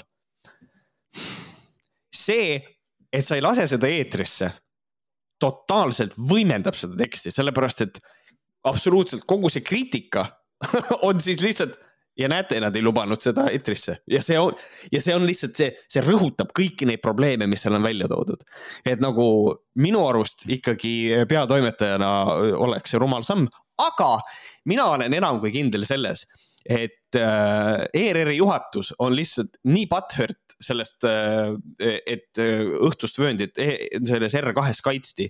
Nad olid nii butthurt, et absoluutselt kõik kuradi need saated, mis kinoteater tegi, need käisid kõik juhatuse laua pealt enne läbi, kui need lasti eetrisse. see on minu hüpotees, need lasti kõik, juhatus vaatas tegelikult need kõik läbi ja siis Äh, viimast juhatus ütles, ei tule, seda me ei saa eetrisse lasta ja siis pandi peatoimetaja tanki.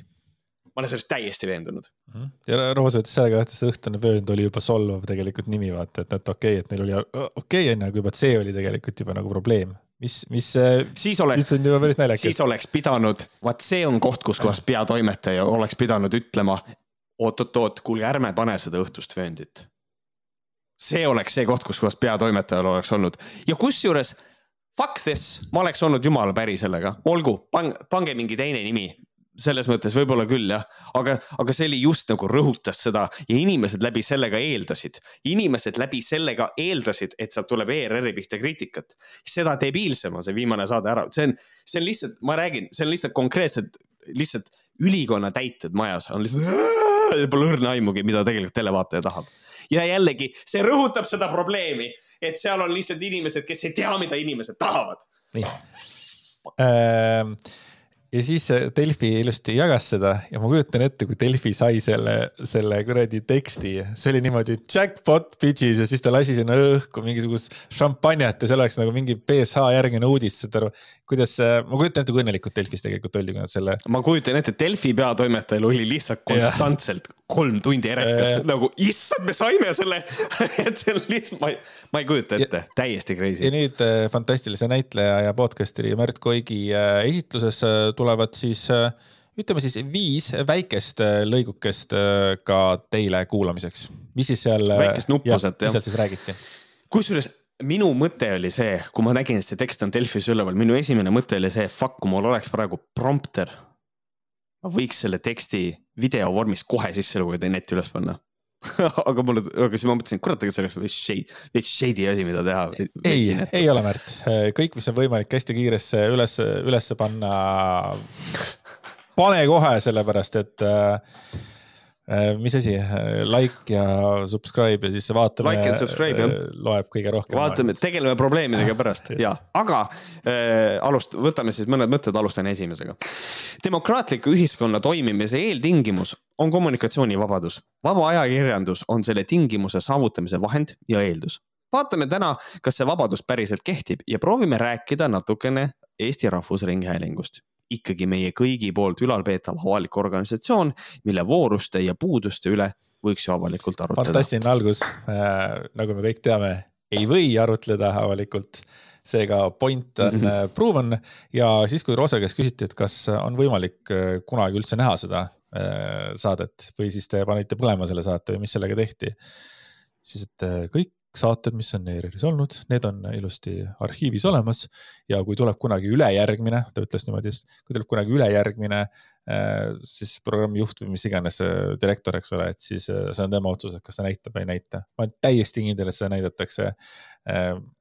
aga noh, ma ei tea muidugi, kui suurt mõju see annab viie aasta pärast noh, ma ei tea, mis. no vot, minul oligi, minul oli nagu see, et mul oli kuidagi et huvitav, kui palju need, kas need saated tehti kõik ette valmis ära või mitte äh, ja millal need tehti, et nagu mõnes mõttes äh, sellest vist üldse ei ole räägitud, et noh, millal et millal see salvestus oli, sest et minu saadet ongi kõiki tehti niimoodi, et ma käisin reede hommikul seda tegemas ja laupäeva õhtul oli eetris.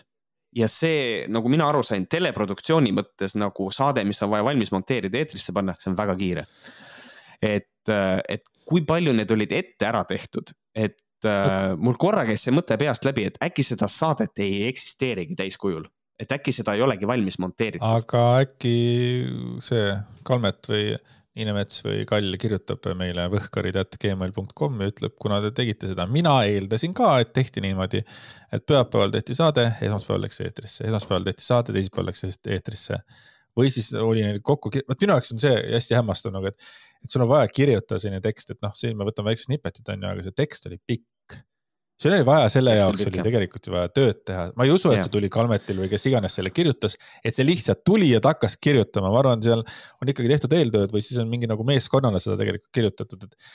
et see ka, et, et ega ma arvan, et ei ole kerge nagu selliseid saateid, mis on nagu täis head materjali siis nagu kirjutada, eks ole, iga päev veel niimoodi pamm-pamm-pamm ja just, aga... just., et noh, ilmselt seal teksti osad olid ette ka tehtud, sest et noh, üldiselt vaata need teemad, mida arutleti, need olid noh, nende kirjutamiseks oli aega küll selles mõttes. aga nüüd räägin mina sellest, et ma ei ole tegelikult äh, näinud mitte ühtegi ja ma ainuke asi, mis ma olen kuulnud, oli sinu arvamus, et esimene saade ei olnud hea.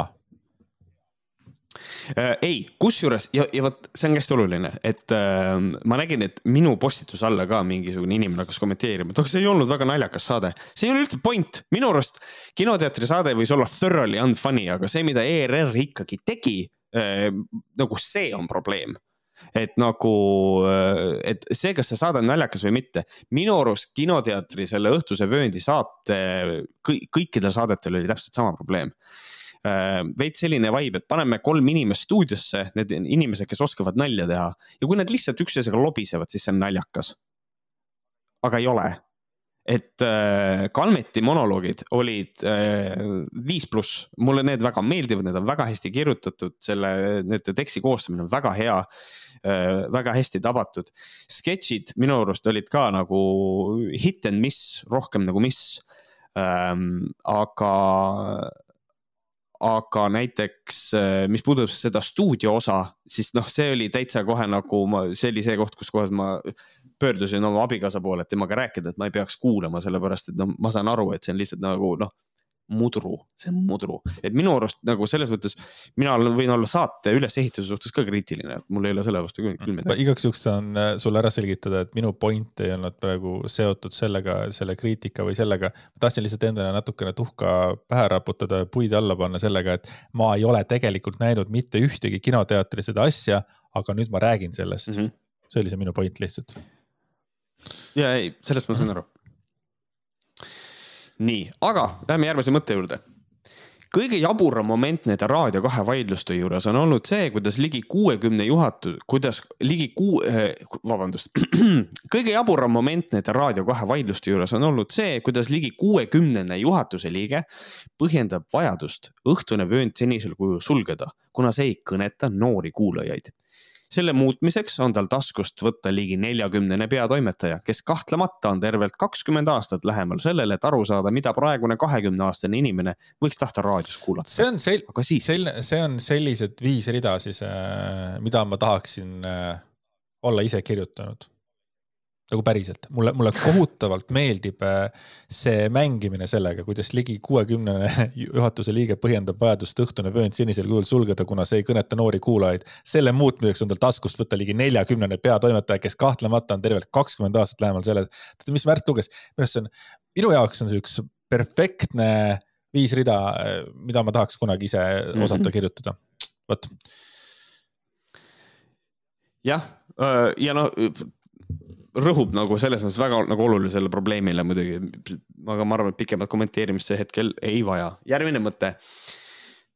kui Tiina Kaalep on väitnud, et eesmärk on leida üles nooremad kuulajad, muuhulgas neljateist kuni kahekümne nelja aastased, siis Margus Kamlat on jälle öelnud, et tegijad püüavad rohkem jõuda kahekümne viie kuni neljakümne viie aastaste kuulajateni ega ongi raske aru saada, kes need noored ju täpselt on, kui nendega ise kokku ei puutu. selleks ajaks, kui teatud vanusesse jõuad, on nad niisugune tabamatu. Amazing, väga hea nagu jälle point nagu eh, siis eh, selline, selline mõte ka. ERR-i nõukogu koosseis on tulevikku vaatav seal ei ole ühtegi naist ja ainukene alla neljakümne aastane inimene on endine Keskerakonna peasekretär Andre Hanimägi, kes on ühtlasi Lääne-Tallinna Keskhaigla nõukogu liige, nii et tema kompetents ulatub meditsiinist meediani. Pole mingit loogilist seletust, miks see nõukogu peaks olema nii poliitikukeskne eh, ja nii vähe meedia või üldse pädevuskeskne ja eks ikka helgesse tulevikku vaadates valis see nõukogu ERR-i juhiks ühehäälselt tagasi Erik Roose, tippjuhi nagu ta on iseenda kohta Vikipeedias iseloomustavalt kirjutanud, kusjuures äh, kui ma sellest rääkisin, siis äh, keegi oli juba selle ära muutnud, tippjuhi oli sealt ära võtnud ja kirjutanud kommentaari Vikipeediasse, et see on ilmselgelt hinnangut andev. Uh.. et äh, ja kusjuures mina leian seda, see on nii julge väide, et ta on seda ise kirjutanud, et ma, ma lihtsalt eeldan, et see on fakt juba. Teiega et noh, Rooset tegelikult peaks ammu röökima sellel teemal, aga sellest ei räägitud üldse nagu öelnud siis, valetavad raisk. aga, aga, aga oled sa märganud, et ega seda teksti ei kommenteerita? kommenteeritakse kõike muud, samamoodi seesama see Roose värk oli samamoodi, vaata, et ega sellest tekstist ei räägita ju, ta räägib mingit ümmargust sitta mm. -mm. Ja see ongi see, et ei noh, sa oleks võinud küsida peatoimetajalt, noh, sa tulid siia tegelikult ka, sina oled ju kuradi juht ju, sina oled praegu Kaja Kallas seal, vastuta kuradi oma siis nagu tegelaste eest, mitte ära lükka, aga samamoodi teist venda rongi alla, see on ka nõme veits tegelikult. olgu. jep. ja nüüd siis tuleb viimane mõte mm,. kus on julged ideed, kus on noored teletegijad, kus on päriselt soov järgmist põlvkonda kõnetada? mis oli viimane noortesaade, mis ETV-s tehti, kas tõesti Esto tv kahe tuhandendate alguses? meil oleks vaja päriselt alternatiivseid noortesaateid ja uusi inimesi saateid juhtima. muuhulgas ka kliimaaktiviste ja fluiidse enesemääratlusega noori, keda praegune ERR-i juhtkond kardab ilmselt veel rohkem kui eetrivaikust. see on probleem, kui ETV kõige julgem idee on, et paneme Tõnis Niinemetsa, Kait Kalli või Hendrik Kalmeti mõnda saadet juhtima. meie ei ole avangard, mitte kuskilt otsast ja me oleme kõik ka üle kolmekümne viie. järgmine lahe asi võiks tulla ETV poolt, on see, et Tõnis Niinemets võetakse Eesti Laulult maha ja vahetatakse ära ja öeldakse mingisugune, ikka vaatasime, et või, või siis mingi asi, et Niinemets jäi haigeks midagi ja siis pannakse keegi teine asemele, et siis cancel datakse tühistatakse ära. Niinemets, Kait Kall ja Hendrik Kalmet, eks ole, et mm. no more coming into this building ja siin on ka nagu hästi lahe nagu teksti ülesehituselt nagu tehniline hästi hea lahendus on see, et me nagu kritiseerime äh, seda, et nagu vanad inimesed otsustavad, et mida noored tahavad kuulata, nad ei oska seda absoluutselt teha ja siis äh, nad äh, võtavad laskemoonaga käest ära sellest, et äh, ja kuulge, vaadake, mis nad tegid, me, me oleme küll kolmekümne viie, meie ei ole ka avangard nagu selles mõttes, et. et noh, et, et, et see võtab laskemoona käest ära nagu nendel, kes tahavad öelda, kurat, aga nad ei ole ise ka ju enam nii noored ja siis no yeah, you can't say that anymore, sest et nad ütlesid selle ise ära. täiega, vot sellised lood on siis ERR-is, aga teistsugused lood on eh, rahumeelse vanemlus, rahumeelse vanemluse grupis. Eh, seal tsensuuri ei ole, aga tegelikult natuke on ka, sest see postitus on sealt kadunud. kui mina nägin seda postitust kõigepealt vist ma eeldan, et Valguse võidus ja siis ma läksin, otsisin ka rahumeelsest vanemast selle ülesse ja siis ma nagu jälgisin ka, mis seal kommentaaritakse, kohe räägin, mis sellest postist ka, et mis seal kommentaaritakse alla ja värki, et see oli nagu tore, onju. aga ma nagu ei salvestanud seda ja kui ma läksin järgmine päev mhm. saate mm -hmm. dokumendi jaoks kommentaare, asju otsima noh, oleks pidanud ikka kohe salvestama, ma ei teadnud, ma ei mõelnud selle pealegi, et see võetakse sealt maha. nagu see ei tundu mulle nagu yeah. loogiline.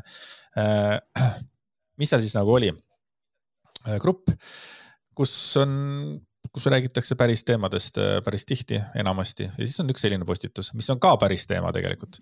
Äh, kuidas suhtuksite äh, väga lähedase inimese arvamusse sulgudes, milles üldjuhul on ta täielikult veendunud ja põhimõttekindel, ümber veenduda raske, sulud lõpevad.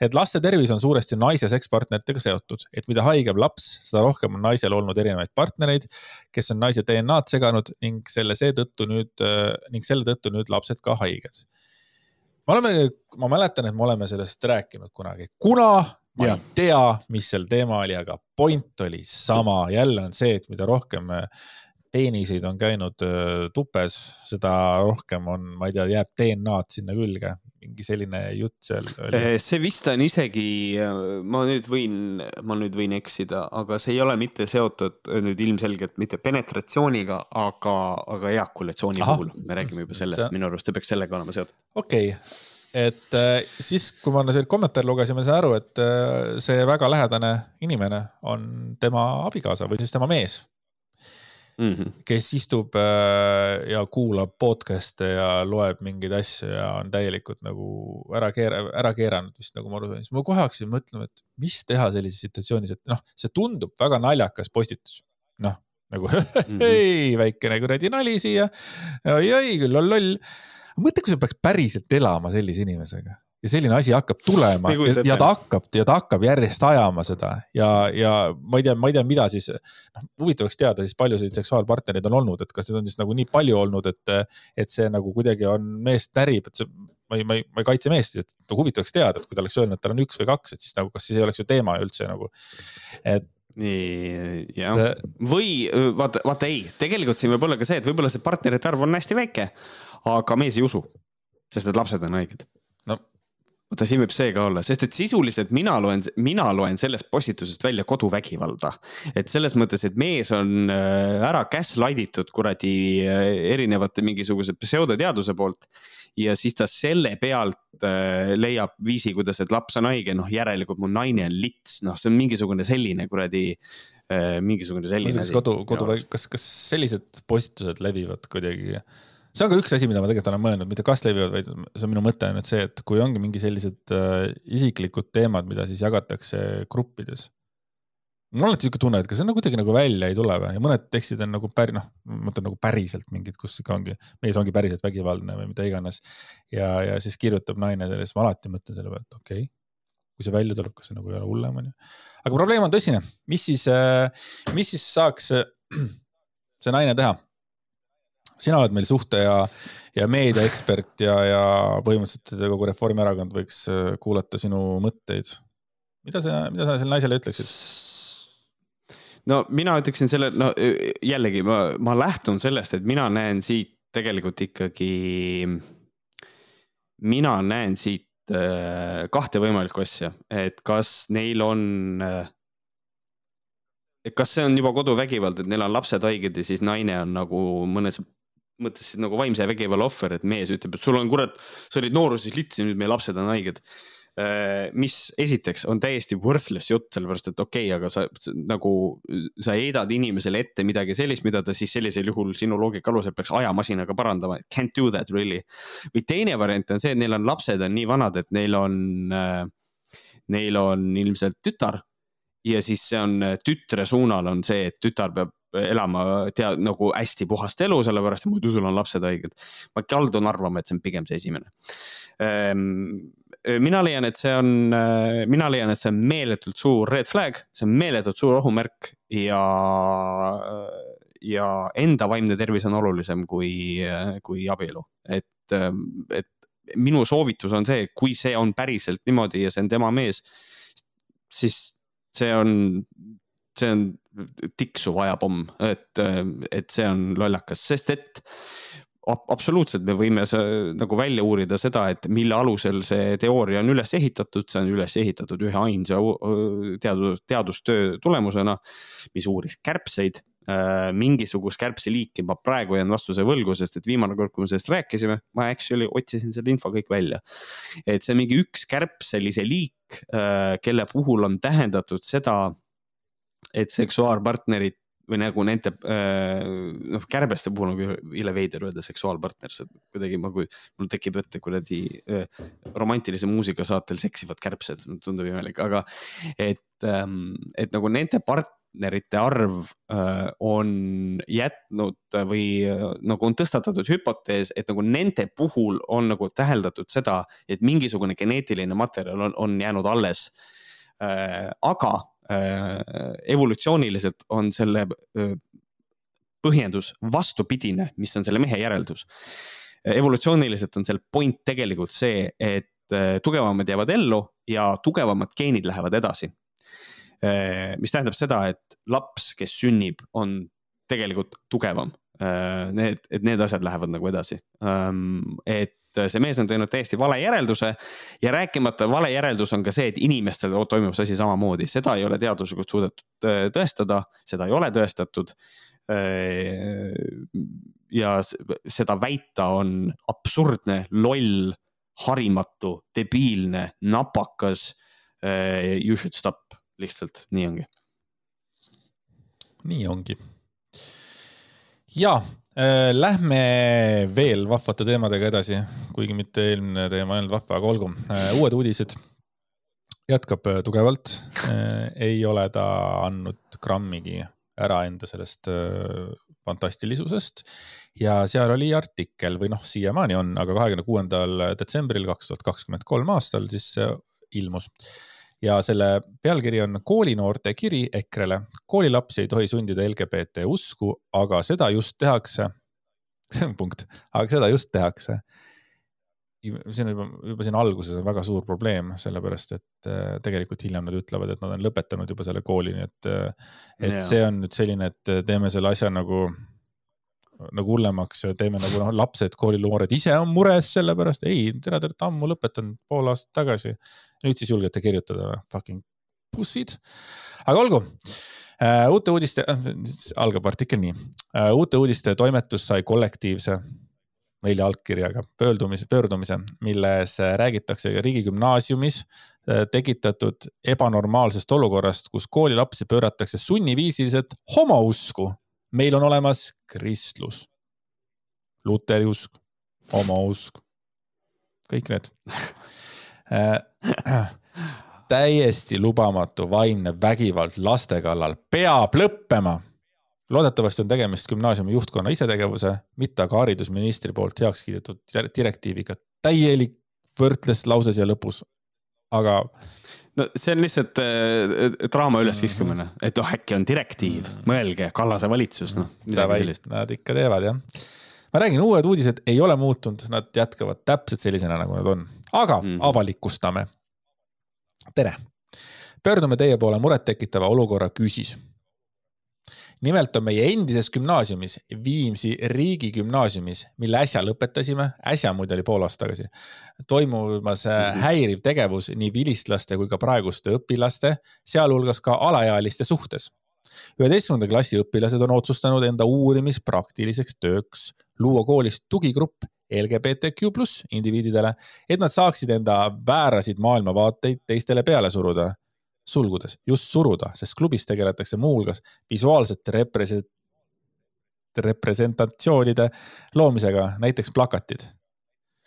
näib, et klubi eesmärk on luua turvaline koht oma soo iharatele, kuid ilmselgelt ei ole see sobiv koolikeskkonda, kus viibivad siiski veel noored ja alaealised, keda on kerge mõjutada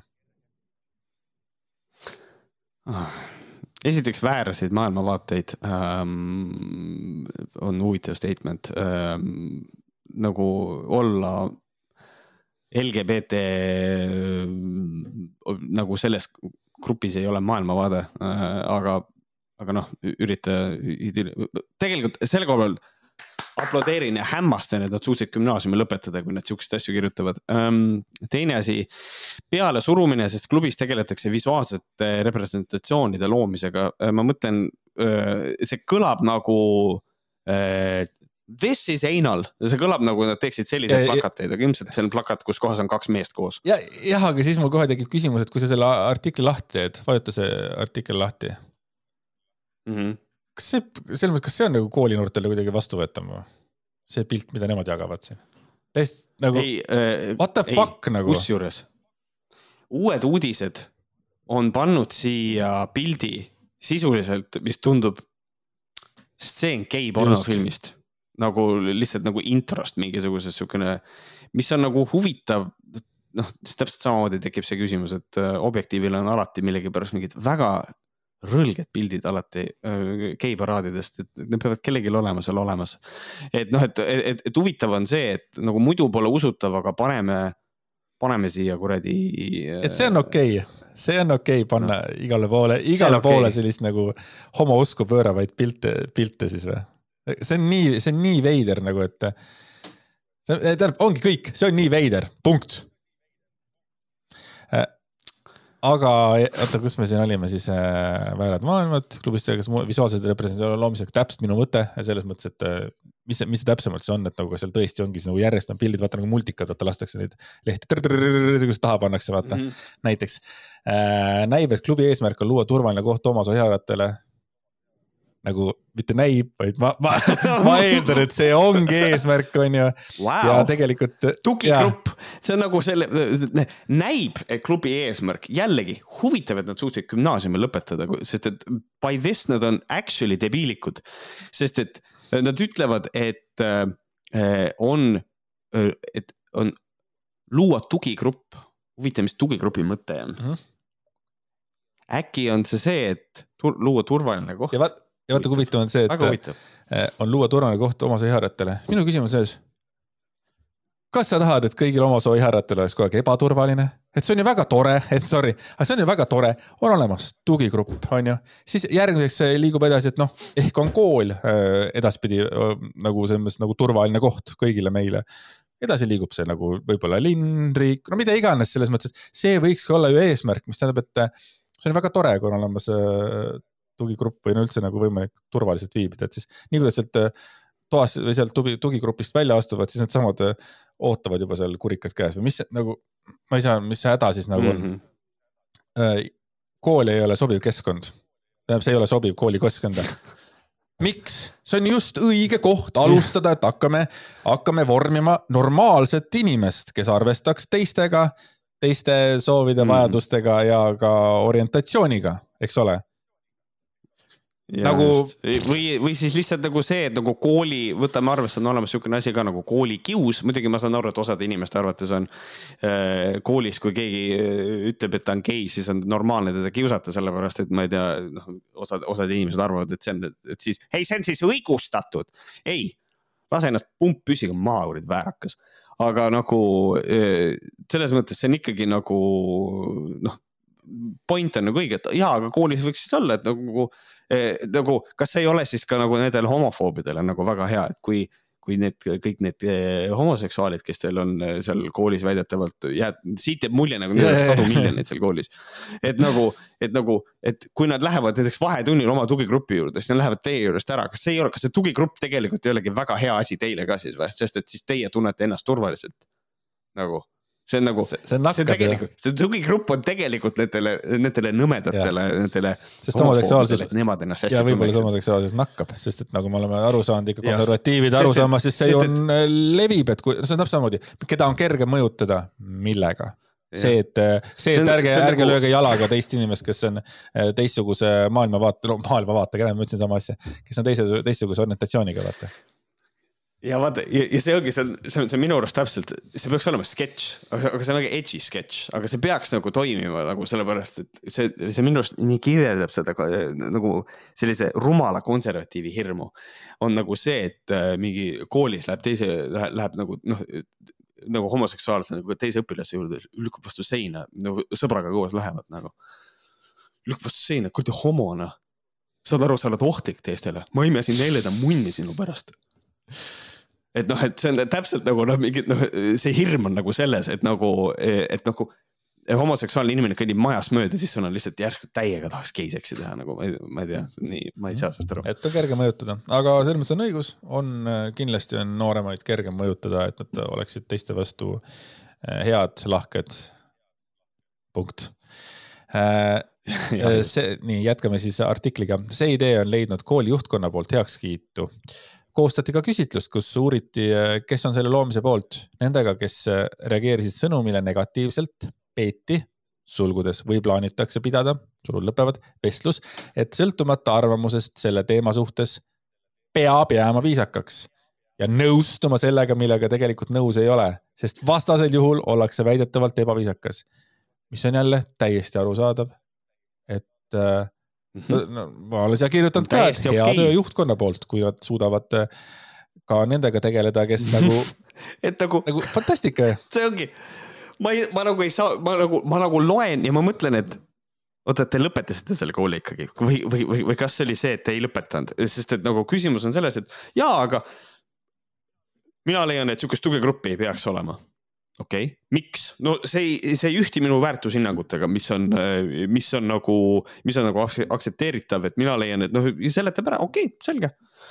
aga jäi viisakaks et nagu selles mõttes, et, et ära mine tugigrupi ukse taha ja ära peksa neid ja ära, ja ära sõima neid seal, et nagu selles mõttes sul on teine arvamus, aga las nad olla, selles mõttes, las nad olla omaette. Ma saan aru, sa väga tahad sinna ruumi tegelikult minna, aga nagu selles mõttes, et nagu hoia, nagu ole viisakas, kas see on nagu halb üleskutse? Või kas peaks olema niimoodi, et kooli juhtkonda nagu Tire tuleb, ütleb nii, selles ruumis on homod. Nüüd sööme need Sierraga ukse maha raisk, et nagu mida te nagu, et nagu ma ei tea, täiesti absurdne möla on siin. jah, ja nõustuma sellega, mida tegelikult, millega tegelikult nõus ei olda, sest vastasel juhul ollakse väidetavalt ebaviisakas. ollaksegi ju. Kas, no ongi ebaviisakas ju, kui sa käitud halvasti teisega. sa või, mil, et peab nõustuma sellega, millega tegelikult nõus ei olda, ma tahaks teada millega, et see, et see tugigrupp on olemas. väga hea point jälle. et nagu et nagu, kui sa ei ole nõus, et see tugigrupp peaks olema, okei okay,, ma tunnistan, minu arust see ei ole otseselt ebaviisakas, kui sa ütled, et minu arust seda ei peaks olema. sinu väärtushinnangust tulenevalt sa ei ole sellega nõus, sure. aga probleem on selles, et see tugigrupp tehakse, siis sina oled solvunud. ja siis sa leiad, et, et sind on kuidagi rünnatud, et see tugigrupp on tehtud. nagu that's it, see on nagu hästi-hästi lihtne, võiks nagu peeglisse vaadata. aus selline käitumisviis äh, kooli juhtkonna ja õpetajate poolt on meie arvates vastuvõetamatu. samuti plaanitakse kooli kutsuda inimene, kes räägiks õpilastele, kuidas see asi on vägagi normaalne, seda peab sallima ning toetama ja nii edasi. Meie arvates on tegu täieliku propageerimisega, siinkohal tekib küsimus, kas selline ühepoolne vaadete pealesurumine on üldse seaduslik, sest normaalne see kohe kindlasti ei ole. jälle, ma mõtlen kohe, selle peale, et on, on, on üks klubi. noh, kus saab ennast turvaliselt tunda või noh, või noh, jah, jah mm -hmm ja siis tuleb, äh, kaua kool kestab tavaliselt? Äh, ma mõtlen nagu kuudega, septembris hakkab, juuni, mai, mai-juuni lõpeb. et PM kaheksa kuud on ju. ja kujuta ette, kaheksa kuu mm. jooksul tuleb üks inimene, kes räägib, ütleme poolteist Juune. tundi sellest, et äh, on normaalne. et see on normaalne. et sa oled normaalne, kõik on normaalne, ära põe. aga see, see on probleem on probleem. jah, ja teised ja teised, kes sellega nõus ei ole. mis iganes põhjusel see on. mina leian, et see on okei okay,, et te niimoodi tunnete, aga palve on hästi lihtne. Ärge tehke tapmisähvardusi ja las need inimesed olla sest et meie teil tegelikult laseme ka olla. me tegelikult ei sunni teile peale seda, et, et sina pead Jüri riista imema, sa imesid, sest et sa tahtsid seda imeda. et nagu selles mõttes, et äh, ma ei tea, see on siukene, äh, siukene jah, aga, aga, aga siin on nagu, siin on väga tugevalt näha sedasama kahtekümmet viite protsenti sellest uuringust, mida me enne nagu lugesime, vaata, et siin on väga tugevalt tunda seda, et, et noh, et siin tegelikult analüüsivõime nagu puudub nendel, eh, nendel eh, selle suurel eh, kontingendil, kes selle kirja koostasid, kõik need neli inimest. et neil on nagu väga tugevalt puudu nagu mingisugune analüüsivõime. et see, et juhtkonna poolt on vastuvõetamatu selline asi teha. seleta mulle, kuidas see on vastuvõetamatu, kui kooli juhtkond võtab vastu otsuse, toetab seda, et õpilastele luuakse tugigrupp mingisugusele nagu, mingisugusele kontingendile tehakse tugigrupp, kellel on nagu ilmselt objektiivselt nagu keerulisem. nagu selles mõttes, et kas, kas ütleksid täpselt sedasama asja, kui kõik nagu need, ütleme, et kooli peale tuleb kokku äh, kuusteist inimest, keda noritakse, pekstakse sellepärast, et neil on äh, riided mustad, sellepärast et nad on, tulevad vaesest perest näiteks. ja, ja by the way, neid need on ilmselt siis sellisel juhul juba rohkem kui seda kontingenti, keda te siin üritate meeleheitlikult heitida, on ju. et nagu selles mõttes, et kas siis, kas siis nende, kas siis nendel inimestel võib olla tugigrupp, selle loogika aluselt mitte. mis mõttes, türa pane ennast normaalselt riidesse, miks sa ei või nagu, et, et et minu arust need kaks asja on selle koha pealt nagu võrreldavad, et nagu miks ei võiks, miks juhtkond peaks olema selle vastu? mis juhtkond on, on, on siis nagu, vabandust, ma nüüd nagu väljendan nagu mingisugust mõtet, on ju, et et kas siis juhtkond peaks olema niimoodi, peded raisk ahju türa. kas sa ootate nagu seda või? see sobiks neile paremini, sest see on nagu, nende veendumustega kooskõlas. see, see sobiks neile, see sobiks neile kindlasti paremini. noh, aga, aga, aga, aga kuula nüüd. meis kui vilistlastes tekitab see olukord kartust ja häbi ning ausalt öeldes on piinlik tõdeda, et oleme selle kooli lõpetanud mina arvan, et koolil on piinlik, et teie olete selle kooli kujuta ette, kui, kui rets on, et äh, neil on, neil on häbi sellepärast, et kool otsustas tolereerida, et kellelgi oleks turvaline hmm,. see on Räme. tõesti, see on tõesti Uudne. piinlik. ja rääkimata sellest, et ühepoolne vaadete pealesurumine neile ei meeldi. Bro, teie kogu statement on see, et kool võiks võtta LGBT vastase seisukoha, mis on? Get this ühepoolne, et noh, ma ei tea, ma, ma räägin, see on ime, et nad on selle kooli lõpetanud. Äh, tahaksime teiepoolset arvamust kuulda ning kui on võimalik, siis võtke teema mõttekaaslaste ja kolleegidega aruteluks. tõesti oleks kurb, kui selleks jõuaks, tõesti oleks kurb, kui sellest jõuaks uudis meediasse positiivses valguses. ma anun kedagi, kes saaks teha sellest positiivse uudise, suure Eesti Ekspressi artikli, kuidas Viimsi rea- mm,, Viimsi riigigümnaasiumis on äh, selline tore asi nagu äh,, nagu millest räägiti siin selles mõttes, et inimesed saaks ennast turvaliselt tunda. no ja, aga nende inimeste arvates on, on, tuleb uudis Eesti Ekspressis. Viimsi riigigümnaasiumis leidis aset geiseksi maraton no,. aga vaat selles mõttes oleks nagu nii naljakas nagu jalaga löök selles mõttes, et ta kirjutab Ekspress, et tõesti oleks kurb, kui selleks jõuaks uudis äh, meediasse positiivses valguses ja tänu sellele kirjale tuleb uudis mhm. positiivses mm -hmm. valguses, mis tähendab, nad on kaasa aidanud sellele homopropagandale. et äh, väga ühepoolne käitumine. kusjuures naljakas asi on see, et nad on pannud äh, äh Nad on pannud, et me paneme küsitlusega manusesse mm -hmm. ja siis nad ja, ja siis umbes niimoodi, et see on nagu üli, ülirets. ja ma tahan, ma tahan äh, puudutada seda teemat. nii, mis need küsitlused siis on?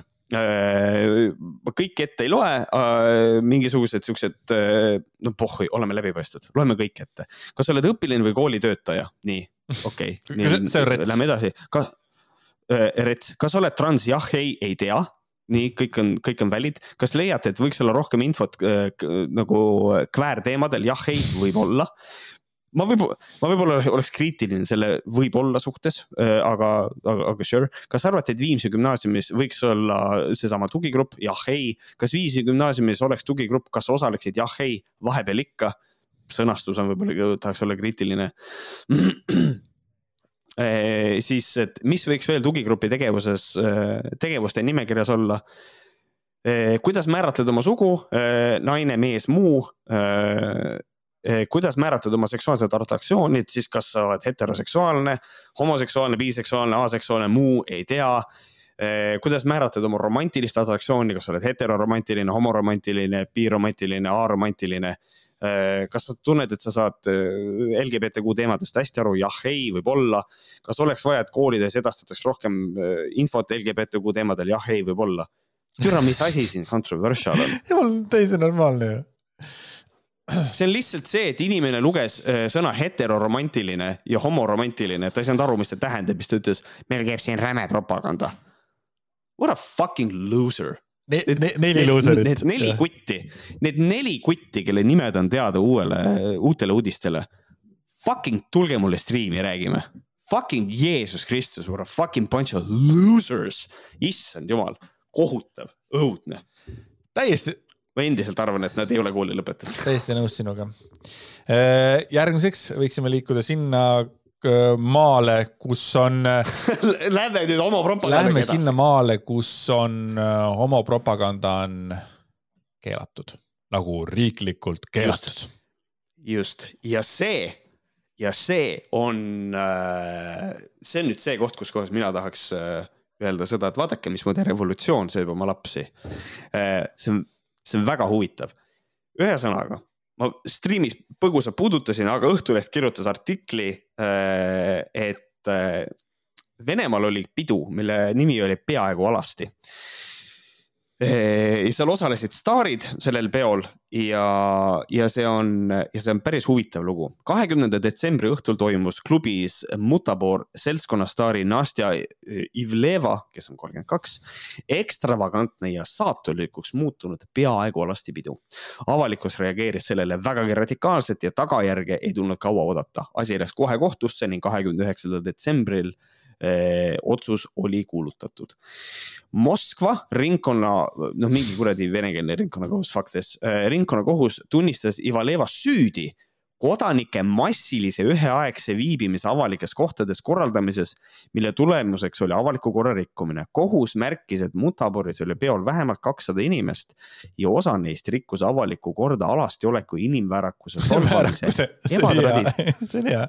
inimväärikuse, vabandust, sorry, ma rääkisin vene lastest, mul ikka juhtub alastioleku inimväärikuse solvamise, ebatraditsiooniliste seksuaalsuhete propageerimise ning avalikus kohas nilbete sõnadega, teatab pressiteenistus. Moskva kohtute pressiteenistuse andmetel määrati Telestarile peaaegu alastipeo korraldamise eest saja tuhande rubla ehk siis tuhat euri trahvi. mulle meeldib see, et vaata, neil on kurss mm -hmm. nii perses, et nad saavad sada tonni trahvi, see on tonn euri täiesti absurdne dress code'i järgi kutsutud klubisse tulema peaaegu alasti. Eh, nii see ka läks, kohale tuntud, eh, kohale tulnud staarid riietasid end efektselt ja stiilselt läbipaistvatesse komplektidesse. noor räppar Vaiko võttis aga dress code'i liiga sõna-sõnalt, tulles peole täiesti alasti ning kattes oma X piirkonda vaid valge eh, Balenciaga sokiga nii, nii mõisteti peenis otsa riputatud äh, tere, see on nii, tere, see on nii absurdne kõik, mida ma loen. nii mõisteti peenise otsa sokki riputanud Vaiko Moskva kohtu poolt viieteistkümneks päevaks vangi ning määrati kahesaja tuhande rubla suurune trahv ebatraditsiooniliste seksuaalsuhete propaganda eest. teised staarkülalised seisid aga silmitsi kontsertide ja sponsorlepingute tühistamisega. ka tulusaid uusaasta esinemisi riigitelevisioonis jäetakse järjest ära. ja nüüd on see koht, kus ma vahele ütlen seda, et kui me räägime homopropaganda keelustamisest, siis vaadake, kuhu see võib minna. see võib minna sellisesse olukorda, et äh, täiesti, no ma ei tea Vaikost mitte midagi, on ju, aga täiesti heteroseksuaalne mees võib ennast, oh täiesti alasti, davai. ja paneb endale sokiriista otsa ja seda nähakse kui äh, ebatraditsioonilise seksuaalsuhte propaganda. ta oli ainuke inimene, kes sai päriselt dress code'ist aru kusjuures. ja nüüd ta nüüd, ja nüüd ta saab karistada selle eest. mina mäletan kunagi, et oli üks äh, Rednexi kontsert, kus äh, Rednexi tüübid hüppasid riista ümber olid sokid. jah. täiesti ebaoluline fakt, by the way. et nagu selles mõttes, minul on esimene küsimus. kas ta pani oma munad ka sinna soki sisse? Ilmselt tuleb panna, sest naised võib-olla ei, ei, ei tea seda, kui sa paned munad ka soki sisse, siis sokk seisab paremini, nagu siis ta seisabki, sul peavad munad ka soki sees olema. Ähm, küsitakse, Märkus, sa tead seda, palun, see, see ei ole praegu teema. Äh,. ja siis on ebatraditsiooniline seksuaalsuhe, et nagu kas need inimesed teavad, et mun-, munasid ei panda putsi? nagu lihtsalt mulle nagu millegipärast see väikene detail häirib mind väga palju, aga see ongi võib-olla eba, ebatraditsiooniline. aga küsimus on selles, ebatraditsiooniline seksuaalsuhe, kas siis see, et kas see on nagu, kas seda nagu nähakse, et ta nagu seksis sokiga või? ja siis mul tekib küsimus, aga kuidas sa saad üldse arvata, et see on seks sokiga? Või kas see on lihtsalt see, et kui mees on paljas, siis ma on olen nii üllatunud selles mõttes üldse nagu, selles mõttes nagu siia kinni jäid, et kogu see, kogu see süüdistus on nagu Mhm. ebareaalne sitt, mis asi see nagu on? kohe esimene mõte, mis minul tekkis kohe oli see, et kas seal on mingi kiri, kas seal kuskil on mingi seadus või mingisugune käsk või keeld, kui palju inimesi tohib üldse peol olla, sest siin on kirjutatud kodanike massilise üheaegse viibimises avalikes eh, kohtades. Kas kakssada inimest, kas see on kuskil, kas on päriselt reegel, kas see on nagu päris reegel, siis ma saan aru, miks on nagu mingisugune teema tekitatud. kas see on, võib-olla on praegu mingisuguse kogunemiste keeld või, või võib-olla, vaata siin on see, et ma selle koha pealt mul, mul on info puudub. äkki Ivlejeva, äkki ju on. Ivlejeva pidu oli nagu see Vakini pidu, vaata, et kus äh, ei tohtinud olla nii palju inimesi, vaata, see oli probleem. ja probleem Mhm, oligi selles, et siin hakkasidki need pildikesed hakkasid sotsiaalmeedias levima. muidu see oli, oli kinnine üritus, onju. Et aga lihtsalt see on nagu, mille tulemuseks on avaliku korra rikkumine. mis, mis mõttes on ju, tõesti, alasti olek inimväärikuse solvamise. kuidas, mis asi? kas ala, jälle, et kas ala- alasti olek on siis nagu siis on seal trahvitav või on siis keelatud Venemaal, ma ei tea mitte midagi, mis Venemaal, aga tundub, et seal on kõik keelatud, mis on keelatud. ebatraditsioonilise seksuaalsuhete propageerimised, see, mis sina rääkisid. kas, kas soki otsapanek on nagu seks sokiga või? ja kuidas on seks sokiga kuidagi taunimisväärne võrreldes sellega, mida teevad äh, Vene sõdurid näiteks Ukrainas äh, väikeste lastega? Mm. see ei ole isegi teema ju. see on, see on nii verd, värdjas lihtsalt, et ja avalikus kohas niilipete aga, sõnadega aga ka. sellest hoolimata, aga sellest hoolimata meil on inimesi, kes räägivad, et meil peaks ka homopropaganda ära keelama, aga siis hakkabki selliseid asju kaasa tooma ja seda enam. Selle asja valguses, kas tõesti ei ole vahet, kas me oleme Kaja Kallase all või Putini all? vot, vot nüüd Hmm. selle artikli põhjal ma tahaksin Varro arvamust saada või otsest küsimust, et kas see on nagu äh, okei okay, või kuidas, kuidas nagu kommenteeriks seda, mis seal toimub praegu, mis nõiajaht seal toimus? jah, et kas, et kas äh, üritusel, kus on nagu väga selgelt täiskasvanute üritus, võib inimene ennast paljaks võtta või peaks trahvima selle eest, no huvitav asi, tahaks teada jah. huvitav asi oli see, et ma korraks sattusin ETV2 peale ja seal oli Vigla Show äh, aastast tuhat üheksasada kaheksakümmend üheksa äkki või? ja Ülo Vooglaid luges Mm. seal mingisuguseid äh, mõtteid või mingit, mingeid asju seal vahele. ja seal vahel oli niimoodi, et Ülo Vooglaid tegi mingisuguse, luges mingisuguse asja ära, aga järgmine hetk nagu jätkati mi- mingi peol, kus oli neiu Eeva oli paljaste tissidega ja madu ümber selle kaela, eks ole, ja seal mingi Ardo Aasmäega rääkis, onju. kohe mul oli, ma olin nagu täiesti nagu, nagu segaduses, et, et mis ma, Ülo Vooglaid on Ivar Vigla show's, kus nad nagu, kus on ka alastust ja mingid sellised, see ei, kui läinud, ma olin nii sassis omadega siis ma läksin kohe Vikipeediasse, vaatasin. Ülo Vooglaid tuhat üheksasada kolmkümmend kolm või mõned, okei okay,, siis ta oli ikka päris vana mees, kui ta juba Varro sai, okei okay,, Varro oli sellel aastal juba arvatavasti umbes seitsmeaastane kus see Varro, seda mul oli nii palju, mul oli nii palju küsimusi tekkis selle lihtsalt mingisuguse sellega mm. -hmm. et äkki väike vahe siukene mõte. aga räägi, kuna toimus üldse skandaal aset? Ehm, skandaal leidis aset ajal, mil Putin kutsus peresid eh, saama kaheksat või enamat last. Andres on märkinud siia kahurilihaks. Andresel on õigus ning Venemaa ülemkohus otsustas, et LGBTQ pluss aktiviste tuleks nimetada äärmuslasteks. mõneks päevaks sotsiaalmeedias kadunud Ivaleva on viimastel päevadel avaldanud kaks vabandusvideot teises, kahekümne seitsmendal detsembril postitatud emotsionaalses klipis tõdes naine, et kahetseb oma tegusid ja väärib kõike, mille ta sai.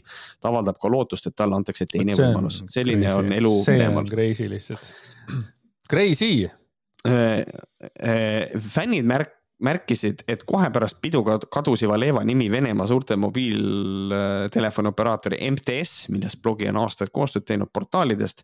lisaks algatas maksuameti uurimise, millega võib kaasneda viieaastane vanglakaristus. lihtsalt mainin ära selle, et see tuleb nii ei kuskilt külje pealt järsku sisse, see maksuameti asi, et see on nagu konkreetselt siin tundub äh, siin tundub, et tegu on ikkagi konkreetselt riigiaparaadi ründega nagu.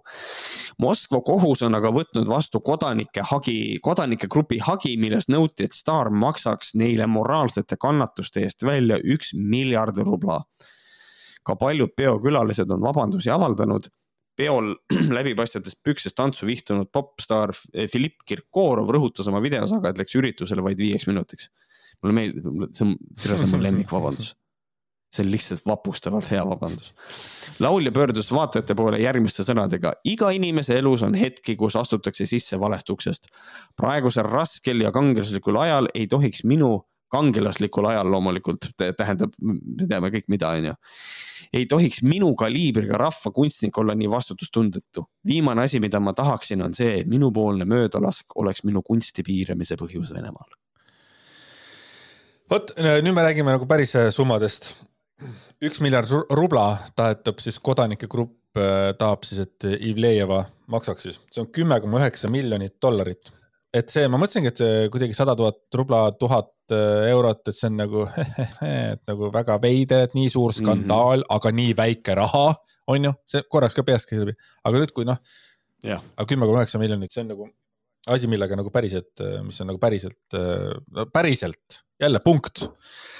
ja appi mul Coca-Cola tuleb üles tulla äh, oota, kus mul, mis see oli seal siis äh,? Ah, ei, mitte selles mõttes, lihtsalt nagu roks ähm,.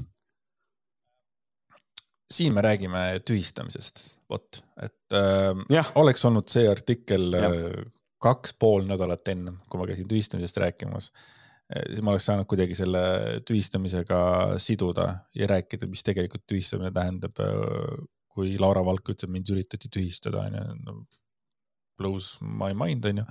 aga anyway, et siin on niimoodi, et sa teed midagi valesti, sinuga on kõik. Bye bye, kõik, sa oled kadunud sealt, siit, sul on, kõik on cancel datud, kõik esinemised. et see tundub mulle nagu päriselt ja sul on nagu õigus selles mõttes, et see tundub küll nagu sihuke riigiaparaadi poolt äh, korralik sekkumine, et sest kõik nüüd, äh, vot, vot nüüd lükatakse inimene nagu siis sinna, ma ei tea, kuhu pagendusse või?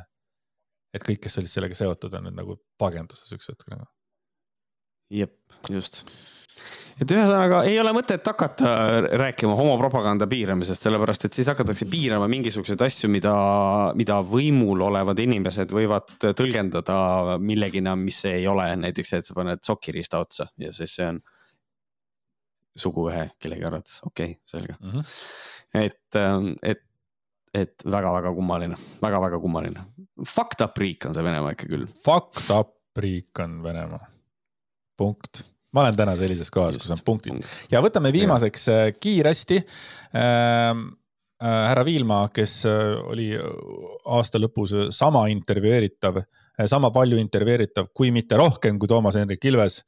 et äh, yeah. igal pool oli, ma ei saa aru küll, miks, aga ju siis jõulud on see aeg, kus räägitakse peapiiskop Urmas Viilmaga. ja Õhtulehes ilmus artikkel ja seal oli sellised küsimused, paar küsimust Äh, küsimus, kas lähisuhtevägivald on üldse kristlaste kogukonnas probleem? väga hea küsimus muide, by the way, sest et äh, see on hea mm -hmm. küsimus. Viilma vastas, kas küsimus on selles, et kas kristlaste seas esineb lähisuhtevägivalda? jah, äh, vastas siis see küsija.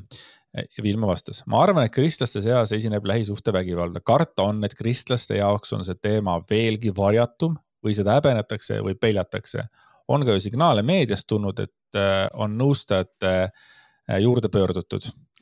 Äh, kiidan Viilmad, see on päris hea nagu väga hea, et ta siukest asja ütleb. see on küll. tohutult hea selles mõttes, et äh, mitte vägivald, aga see, et ta nagu ütleb jah, see on probleem kristlaste hulgas, see on ilmselgelt probleem, sellest ei räägita, noh, sest et me oleme ju ikkagi vagad inimesed, noh, võiks, võiks. jah, ja, ja, ja ja kristlikus nagu peres on veel nagu see asi ka, et kui me võtame ka väga traditsioonilise pere, kus kohas mees on perekonnapea, et siis nagu selles mõttes seal on ka naised, naistel raskem sellest rääkida veel, sest et nad on noh, nende roll on palju nagu teistsugune. Mhm, täiega äh, siis äh, Vilma jätkab, kui Eero Epner kirjutas sellest Ekspressis paar aastat tagasi, olid seal otsesed viited. minu jaoks jäid need natukene liiga anonüümseks kristlased ei ole kõik ühesuguse suhtumisega kõikidesse asjadesse, on erinevaid kirikuid, erinevaid konfessioone. kui minna liiga üldisele tasandile ja öelda, et vot kristlaste juures on niimoodi või pastorite naised on eriti suure surve all, on üldistuse tasand liiga suur ähm,. okei okay,, siin on natuke not all Christians on ju, aga tegelikult on ka, ega see ka äh, vastuleer on ka tegelikult äh, päris korralikult tööd teinud, et noh, ütleme, et kuskil on, on üks pastor või kirikuõpetaja, kes jääb vahele jälle, noh jälle, kuna neid on veel mõned olnud mm -hmm. mingi mhm. poiste ahistamisega onju, siis ongi niimoodi, et noh, ongi, et kõik te olete sellised, vaatame, mis teil seal kirikus toimub, teil see kirikus on kõige hullem veel pordu ja siis ongi täpselt nii, et et, et mõnes on nagu see, see vastaspool on ka nagu korralikult nagu tegelikult rünnanud nagu seda kristlikku, ma ei tea, tsunfti siis või? et noh, tal on ka veits selline õrn, aga jah. kusjuures mina nagu targa inimesena võin öelda, et ma tean, et kristlased ei ole kõik ühesuguse suhtumisega. aga on olemas terve hunnik inimesi, kes arvavad, et kõik kristlased ongi ühtemoodi segased siis. Ja just noh, mis, mis iganes gruppi kuuluvad just. inimesed ei ole kunagi. kõik, kõik EKRE inimesed ei astu hobusega vahekorda, nagu päriselt. jah, just äh,. on ju, Tebo jah, palju õnne Tebole veel aasta võha äh, tiitli üle, ikkagi äh, aasta Anti Võhkar ikkagi, see ja. on äh, rets au. aga nii. Ei, ma tahtsin, ma oleks siit juba teinud segway ära. ei, ära tee veel, võtame siis viimase küsimuse, mis siis Viilmale esitati, et anonüümsus on ajakirjanduses lähisuhtevägivalla juhtumite puhul kasutuses eelkõige ohvrite lastekaitseks. ja siis Viilma ütles, et sellest saan aru, aga vaimulikuna kuidas äh, saan vägivallale reageerida, kui ei saa isegi aru, kas kaasus on luteri kirikust või mingist teisest kirikust? meil on Eestis kirikuõpetajaid, pastoreid, erinevaid preestreid erinevates kirikutes kolme-neljasaja ringis. Tahaksin, et kui mulle jõuab info, kuidas meie kirikuõpetaja on kodus vägivaldne, saaksin reageerida. kirjutasin oma vaimulikele ja andsin ka kirikus avalikult teada, et kui keegi kuuleb, kuidas meie kirikus on vaimulikud vägivaldsed oma abikaasa suhtes või esineb koduvägivalla juhtumeid, palun anda mulle teada. Kirjutasin ka Eesti kirikus nendel teemadel, ma ei ole saanud vaimulike kohta tagasisidet, kui kogudus näeb, et nende õpetaja on vägivaldne oma peres, siis eeldan, et see info jõuab meieni mulle meeldib see, et ta ütleb, et äh, kuidas ma saan vägivallale reageerida ja siis ta kirjeldab täiesti adekvaatset reaktsiooni. et noh, täpselt niimoodi reageeridki. ja ta, ta juba on reageerinud tegelikult jah, tunnistad ära, eh, saad aru, okei okay,, selline probleem on, siis kirjutad. Eh, et nagu see ongi kogu see nagu see point sisuliselt see ongi. sa oleks võinud siin ka selle välja öelda, et kui, et mulle võivad ka inimesed kirjutada, mitte ainult siis nagu, nagu avalikult, ka lihtsalt nagu lihtsad inimesed mulle kirjutavad, et nende koguduses on nii ja nii. et nagu selles mõttes, et, et tal on nagu natukene nagu selline kompleks, et ta tahaks kõike infot kohe kätte saada, et siis ta saaks nimeliselt minna tegelema, aga niimoodi tõepoolest ei saa ja ma leian, et noh. noh me ei saa nagu sundida seda, no mina vaimulikuna jah, vaimulik, sa oled lihtsalt glorified uhuu esiteks. aga teiseks on nagu lihtsalt see, et jaa, aga sa reageerisid väga korrektselt sellegipoolest noh. True, sa ütlesid äh, kõik ära, isegi natuke rohkem. nii et punkt. aga Segway palun. ah, minu Segway, et mainisime siin aastavõhkasid kuulge, eh, me andsime kahekümne üheksandal eh, detsembril aastavõhad kaks tuhat kakskümmend kolm välja. kakskümmend seitse auhinda pluss veel mõned publikuauhinnad ka. et eh, küsimus on nagu selles, et kuule, et kus ma seda näen, on ju. väga lihtne Youtube'is, aga Youtube'is on see asi natukene peidetud. kui te lähete meie Youtube'i kanalile, noh, selles mõttes seda saab ka audio vormis kuulata, eks ole, aga ma tahaks vaadata, sellepärast et meil olid slaidid ja asjad kõik ette valmistatud, siis mine Võhkrite Youtube'i kanalile, võta meie kanal lahti ja kohe meie siis nende videote peal on seal valikus avaleht, videod, otse, podcast'id ja kogukond. mine klõpsa lihtsalt nupule otse ja seal on ilusasti kaks videot, millest üks on tund kolmkümmend seitse, kolmkümmend see on see video, mida te tahate vaadata, nimi ütleb ka aastavahed kaks tuhat kakskümmend kolm. ja siis meie eelmise aasta aastavahed on seal ka olemas, mis, mille video pikkus on viisteist sekundit lühem. me tegime puusalt teise saate viisteist sekki. päriselt, see oli, see oli täielik juhus nagu lihtsalt, kuidas see asi jooksis, isegi võhkade arv oli täiesti erinev ja kogu see, ma ei saa öelda, et kogu kontsept äh, oleks erinev olnud, aga, aga ma tahaksin kindlasti veel kord esile tõsta ma olen Märdile seda öelnud Messengeris, ütlesin ka seda peale saadet ja tema fantastilist äh, stuudio, stuudio setup'i, tema seda kõik, mis ta need slaidid tegi, see on puhtalt äh, kõik Märdi töö. et super, aitäh sulle fantastilise töö eest. ma loodan, et teil kõigil oli lõbus. meil oli lõbus. saade tuli täpselt selline, nagu ma ootasin iseenesest, sest et eelmisest oli, eelmisest korrast oli juba nagu pilt selge, kuidas see saade jooksma hakkab ja seekord ta jooksis täpselt samamoodi. mis on nagu selline mm -hmm. kindel. Jackpot. aastavõhaga seoses või võhkadega seoses tegelikult üks asi. me saime ka ühe ülesande inimeselt, nimelt me saime väikesed pakikesed, mis oli vaja või noh, meile soovitati avada meie otsesaate ajal. Ja kuna me oleme väga professionaalsed ja tublid inimesed, eriti Andres, siis ta unustas need koju. ja me ei saanud seda teha, aga me saame nüüd teha, Andres, mis, mis asja sa said? Eh, ja eh, me saime siis kaks eh, sellist, sellist asja, mille nimi on piparkook, siis need on piparkoogid ja mulle öeldi, et kindlasti või noh, võimalusel äh, avage need koos Märdiga ja aastavahet saates. Muidugi ja mul muidu oligi meeles see, mul oli see meeles kuni kolmkümmend minutit enne Märjamaale sõitmise, sõitmist. et siis pidime avama seal, seal ja nüüd ma avasin selle täpselt siin äh, üks minut enne saadet. ja siin on põhiaastavõhk, aastavõhk. ma tean, et see on äh, mõeldud kui, et see on mõeldud meile kui aasta parim podcast. aastavõhk, stringid, patt ja edasi. Äh, aitäh, aitäh kallile kuulajale, kes minuni need toimetas. väga armas, et meie peale mõeldakse ja et me oleme kellegi jaoks aastavõhk. tänan, tänan oma poolt ka väga, aitäh. Märt saab endale kätte eeldatavalt sel aastal.